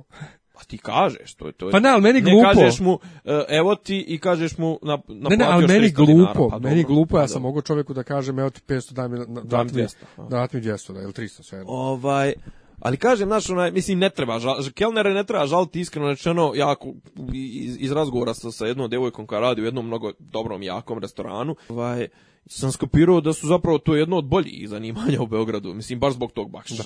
Ja volim, znaš kakve ja konobare volim, kao tog tad što je zapamtio mm u Tribeki, ko sam, šta sam, a ima nešto, ja volim, imam neki, ja volim to. Volim kad imam dobru komunikaciju, kad eh, hoće on da se ponudi da ti predloži nešto, ali nije nametljiv.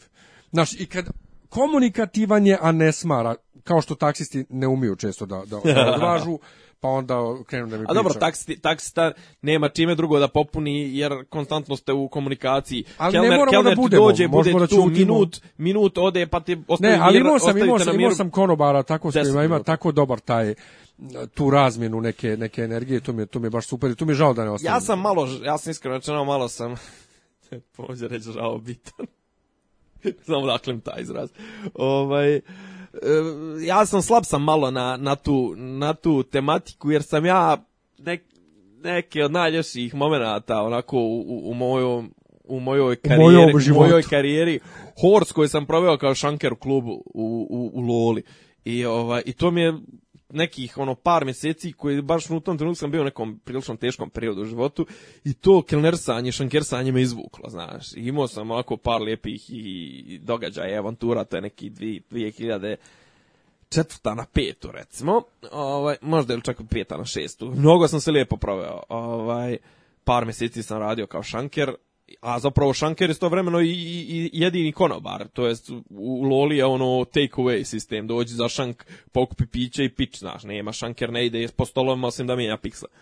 Uh, I bilo mi je lijepo, čak sam radio, sam zapravo ja sam radio za bakš i za besplatno piće i to sve, ali to je bilo 4-5 sati i ono, znaš, ono, besplatna cuga, usput zaradiš nešto i to sve, mijenjao sam tipa koji inače tad Lola je, to je bio klub Lole, sad su to uznajemili neki klinci i radi kao poseban kafić, a nekad je zapravo bio baš klub, klub.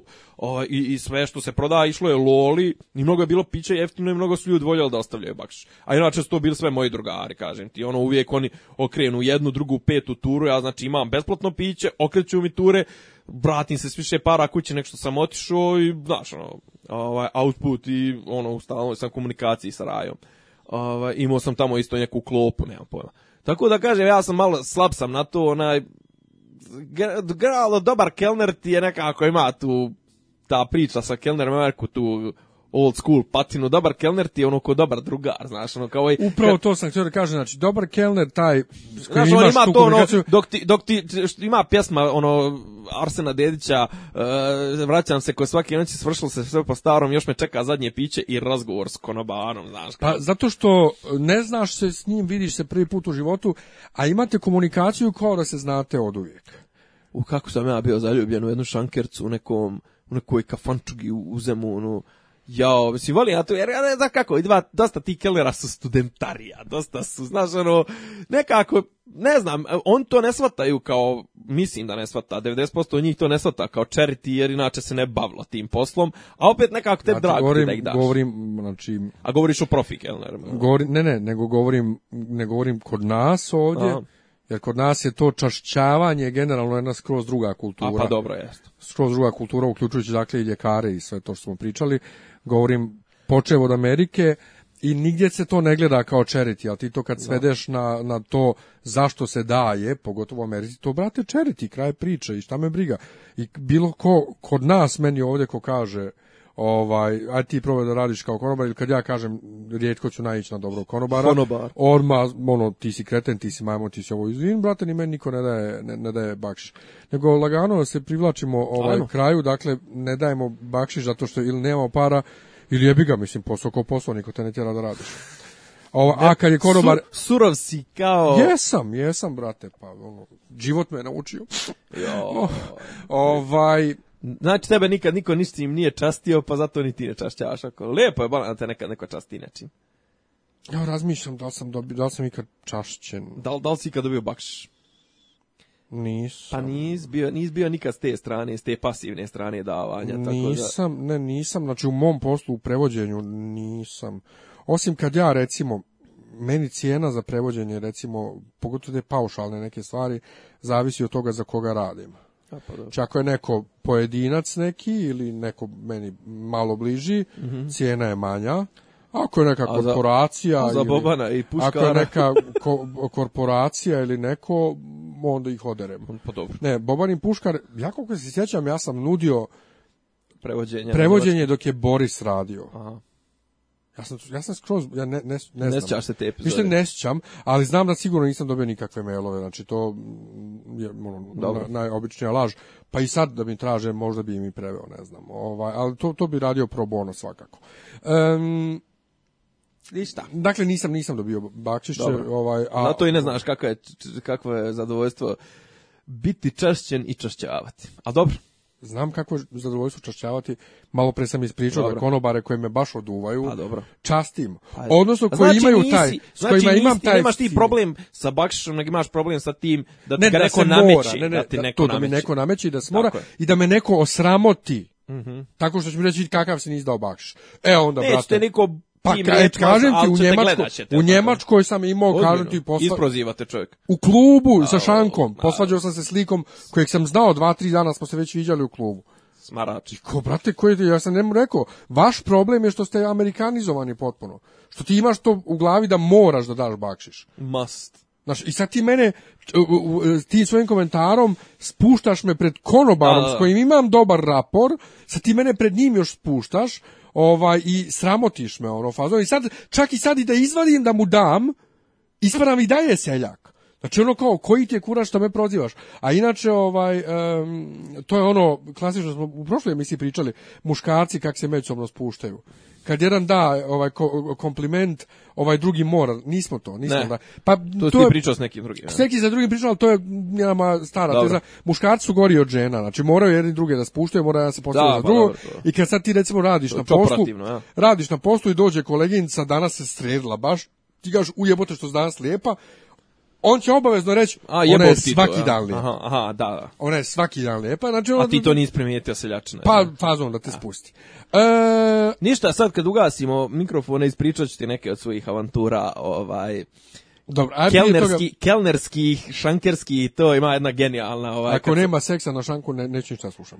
Ajde, ovaj, u, ajde, ovaj još da preporučimo nešto ljudima. Jo, ne znam it E pa, pa ja ovaj pa sausage party, znači niko nas ni prevedao kao, kao nikako, znači zove se sausage party ili ti žurka kobasica, a to je priča o hrani u prodavnici, u supermarketu koja to sam, će... to sam slušao sam uvod dok sam dolazio na prošli podcast na radio sam slušao ovaj opis filma e, kao da on ide pokušava da stigne do drugog kraja e, supermarketa ne on je osviještena kobasica, je tako dakle svi su oni osvješteni, komplet hrana u supermarketu. Ali mislim glavni lik svako jutro, svako jutro počinje eh, himnom, ovaj s, uh, religioznom, jer njihova religija je da odu u taj drugi svijet, a to je da, ih bogovi, ljudi, pokupe strafa i odnesu u kući.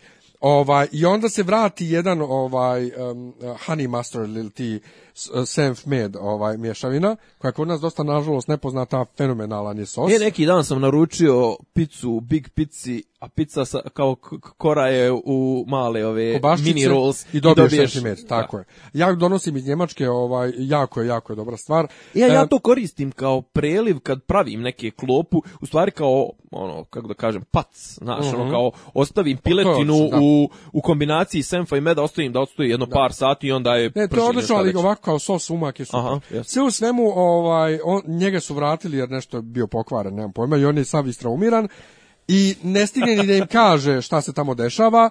I sad, glavna, li, glavni lik je Seth Rogenova, ovaj, Viršla, mhm. u paketu Viršli, zajedno na rafu sa ovim E, zemičkama, koje Dobro. su ženske i u koje će oni da uđu, da prodru u njih. Dobro. Ali neće onako brzo kao zečevi. I sve je seksualno i vulgarno. Čuo sam da je zapravo film je za odrasle. Da, da, to je znači, a zato, a zato sam rekao R rated, dakle, znači za djecu, nije za djecu, nego za odrasle i sve je u jebanju i ne znam nija šta. I sad kupe a dobro, njih, kupe ih, kupe ih, a onda taj Honey Master koji je ova isto stavila u ovu u, u, u raf, u ovu kolica, pokuša da iskoči i ovaj krene da, za njim da ga spase, krene ova e, zemljička da ga spase i oboje ispadnu iz pakovanja i ostanu u supermarketu izgubljeni.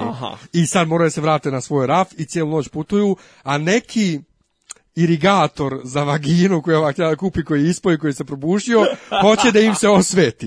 I ide okolo, ide okolo, antagonista. ide okolo i puni se čim god stigne vodkom, ono, i raste. I sad fora, sporedni likovi su ovaj jevrejski bagel ili ti ova zemička jevrejska i arapski onaj onaj mekani hljeb onaj ono ko, ko, tortilja ono. znam, znam, znam, znam. Ko tortilja. Da. I ovaj i idu i svađaju se i ne znam, je svašta tu bude. Ima i droge, onda svate kad se ljudi nadrogiraju da ih vide, stvarno. Na kraju nastane, ono, na kraju je haos totalni u supermarketu, ali kad se sve završi orgija Znači, orgija hrane... A sausage party. Znači. Ne, ne, znači. ali orgija toliko je, toliko je, ovaj... A čekaj, zar sausage... Ja sam sjedio u bioskopu, ono, sa spuštene vilice i po, zatvarao oči od biljke ko na seriji s mamom i gledao neki bezobrazan film, ono. E, sausage party je zapravo, to je gej termin, zar ne? Ne, prvi put čujem, ali, ali moguće da bi se moglo, moglo bi ono- se tako tumačiti. Pa da, kao, to je ono veselje, samo, ali, samo kita. Pa, ali, znači, ne morate ga gledati u bioskopu, nije 3D, nije nisu kakvi efekti, ali eto, ako ne stignete u bioskop, čim izađe ovaj, ako volite Seta Rogena i njegovu vrstu humora, ovaj, gledajte, jer ta količina boleštine, to ne možda zamisliš, ovo fenomenalno. Evo ovako, Sad sam se sjetio. Nisam se sjetio, nego izvukao sam iz keca iz, e, iz rukava. Bio je derbi. Ali, pošto sam ja... Pošto derbi, ja, ne, ne, derbi nestao u plamenu Prajda. Naravno. Mislim, pošto sam ja pobornik teorije da je domaći sport karna, jedna svjetska karna banana, ovaj, ja vam preporučujem, počela je sezona NFL-a, ma na sport klubu, gledajte NFL, a uskoro počinje i sezona NHL-a, e, to jest hokeja američkog, to sjeverno američkog kanadsko-američki, koji ima arene može to da gleda, a ja gledam jedno i drugo srećom bez domaćih komentatora, pošto imam takozvani Game Pass, to je ono način gledanja preko interneta zvančno od, od strane uh, lige i njihovog sajta, ima i za jednu i za drugu. Zašto se to dobio i kako? E, ima neki lik prodaje u četvrti cijene. Aha naš neki, i tipa recimo pazi taj Game Pass za NFL košta godišnje 199 dolara. A za NHL je nešto jeftinije, ali fora to ono, e, imaš, e, imaš sve utakmice u svakom momentu dostupne, imaš i live, imaš posebne emisije tipa, ono, recimo pošto se NFL se igra, ono, čuo se za izraz Given Sunday ovaj, on, NFL se igra, 90% utakmica se igra u nedjelju, imaš onaj Monday Night Football, i kad se igraju te utakmice, igra se 5, 6, 7 istovremeno, i onda oni imaju nešto što zove red zone i onda to je bukvalno kao multiprenos i samo u tom trenutku što je najinteresantnije oni se uključuju u tom momentu.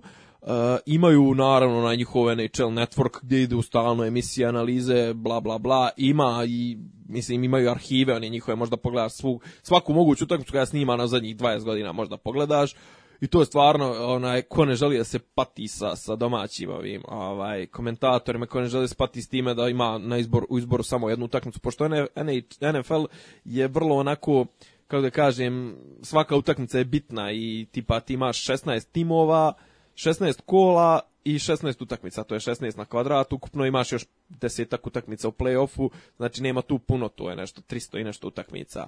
Ovaj, ukupno se odigra u toku sezone i ti maltene ako si baš neki fanatik, možda stigneš da pogledaš svaku. A kažem, naši ljudi, ima baš taj Predrag Popović koga, koga sam neki dan zapratio i on je čovjek koji stvarno neki dan se dotakao našeg najlogoreičnijeg eh, sportskog komentatora Predraga Juriševića koji čovjek samo priča bez ikakvog smisla. I znači čovjek koji ispaljuje fraze ima 50 godina u guzici i dalje samo trtlja, trtlja, trtlja, trtlja. Naši sportski komentator, to je tuga božja. Ovim, ne znam, ajde, ne, ajde da se odjavimo ovim mračnim mislima o sportskim komentatorima u Srbiji. To nije mračna misla, to je na vrlo pozitivna misao, ne dajte da vam seru da s godinama ide mudrost, očigledno ne ide. Ne ide i druga stvar, ovaj srećan, hvala Allahu višni budi na internetu i svim ostalim bogovima, pa više nismo osuđeni da, da, da provodimo vrijeme ovaj, trujući se srpskim medijima, možemo da to radimo na mnogo kvalitetniji način. Dakle, idemo na malu pauzu, ja idem... Uh, na godišnji? Na godišnji 1. oktobra, sljedeći, sljedeći ovaj... Uh, Podcast? Pa na sljedeći podcast sljedeću nedelju ćemo jednostavno preskočiti. Da. I preskočit Možda, vidjet ćemo, možda, možda mo, možda, Možda ako bude nešto baš, baš zanimljivo, baš, baš. da ne možemo da izdržimo, da je komentarišemo, da. bit će sljedeće nedelja još jedan, ali ta nedjelja dok sam u Nemačkoj, nedjelja dok sam u Nemačkoj, ovaj, u, u, u Njemačkoj... Kad je otišao Has? U Njemačkoj ovaj, neće biti podcasta, i onda se nadam da ćemo se vratiti sa ovaj u novom ruhu, možda sa novim logom, možda sa novom spicom. Ne smijem ništa da objećam ljudima. Da. Ovaj, Nemoj ništa ni men da obećavaš. Puši ga. ovaj, ali ovaj, sve u svemu ono, imat ćemo sigurno onda novih tema. Hvala vam što ste bili uz nas. Ćao. Salam aleikum.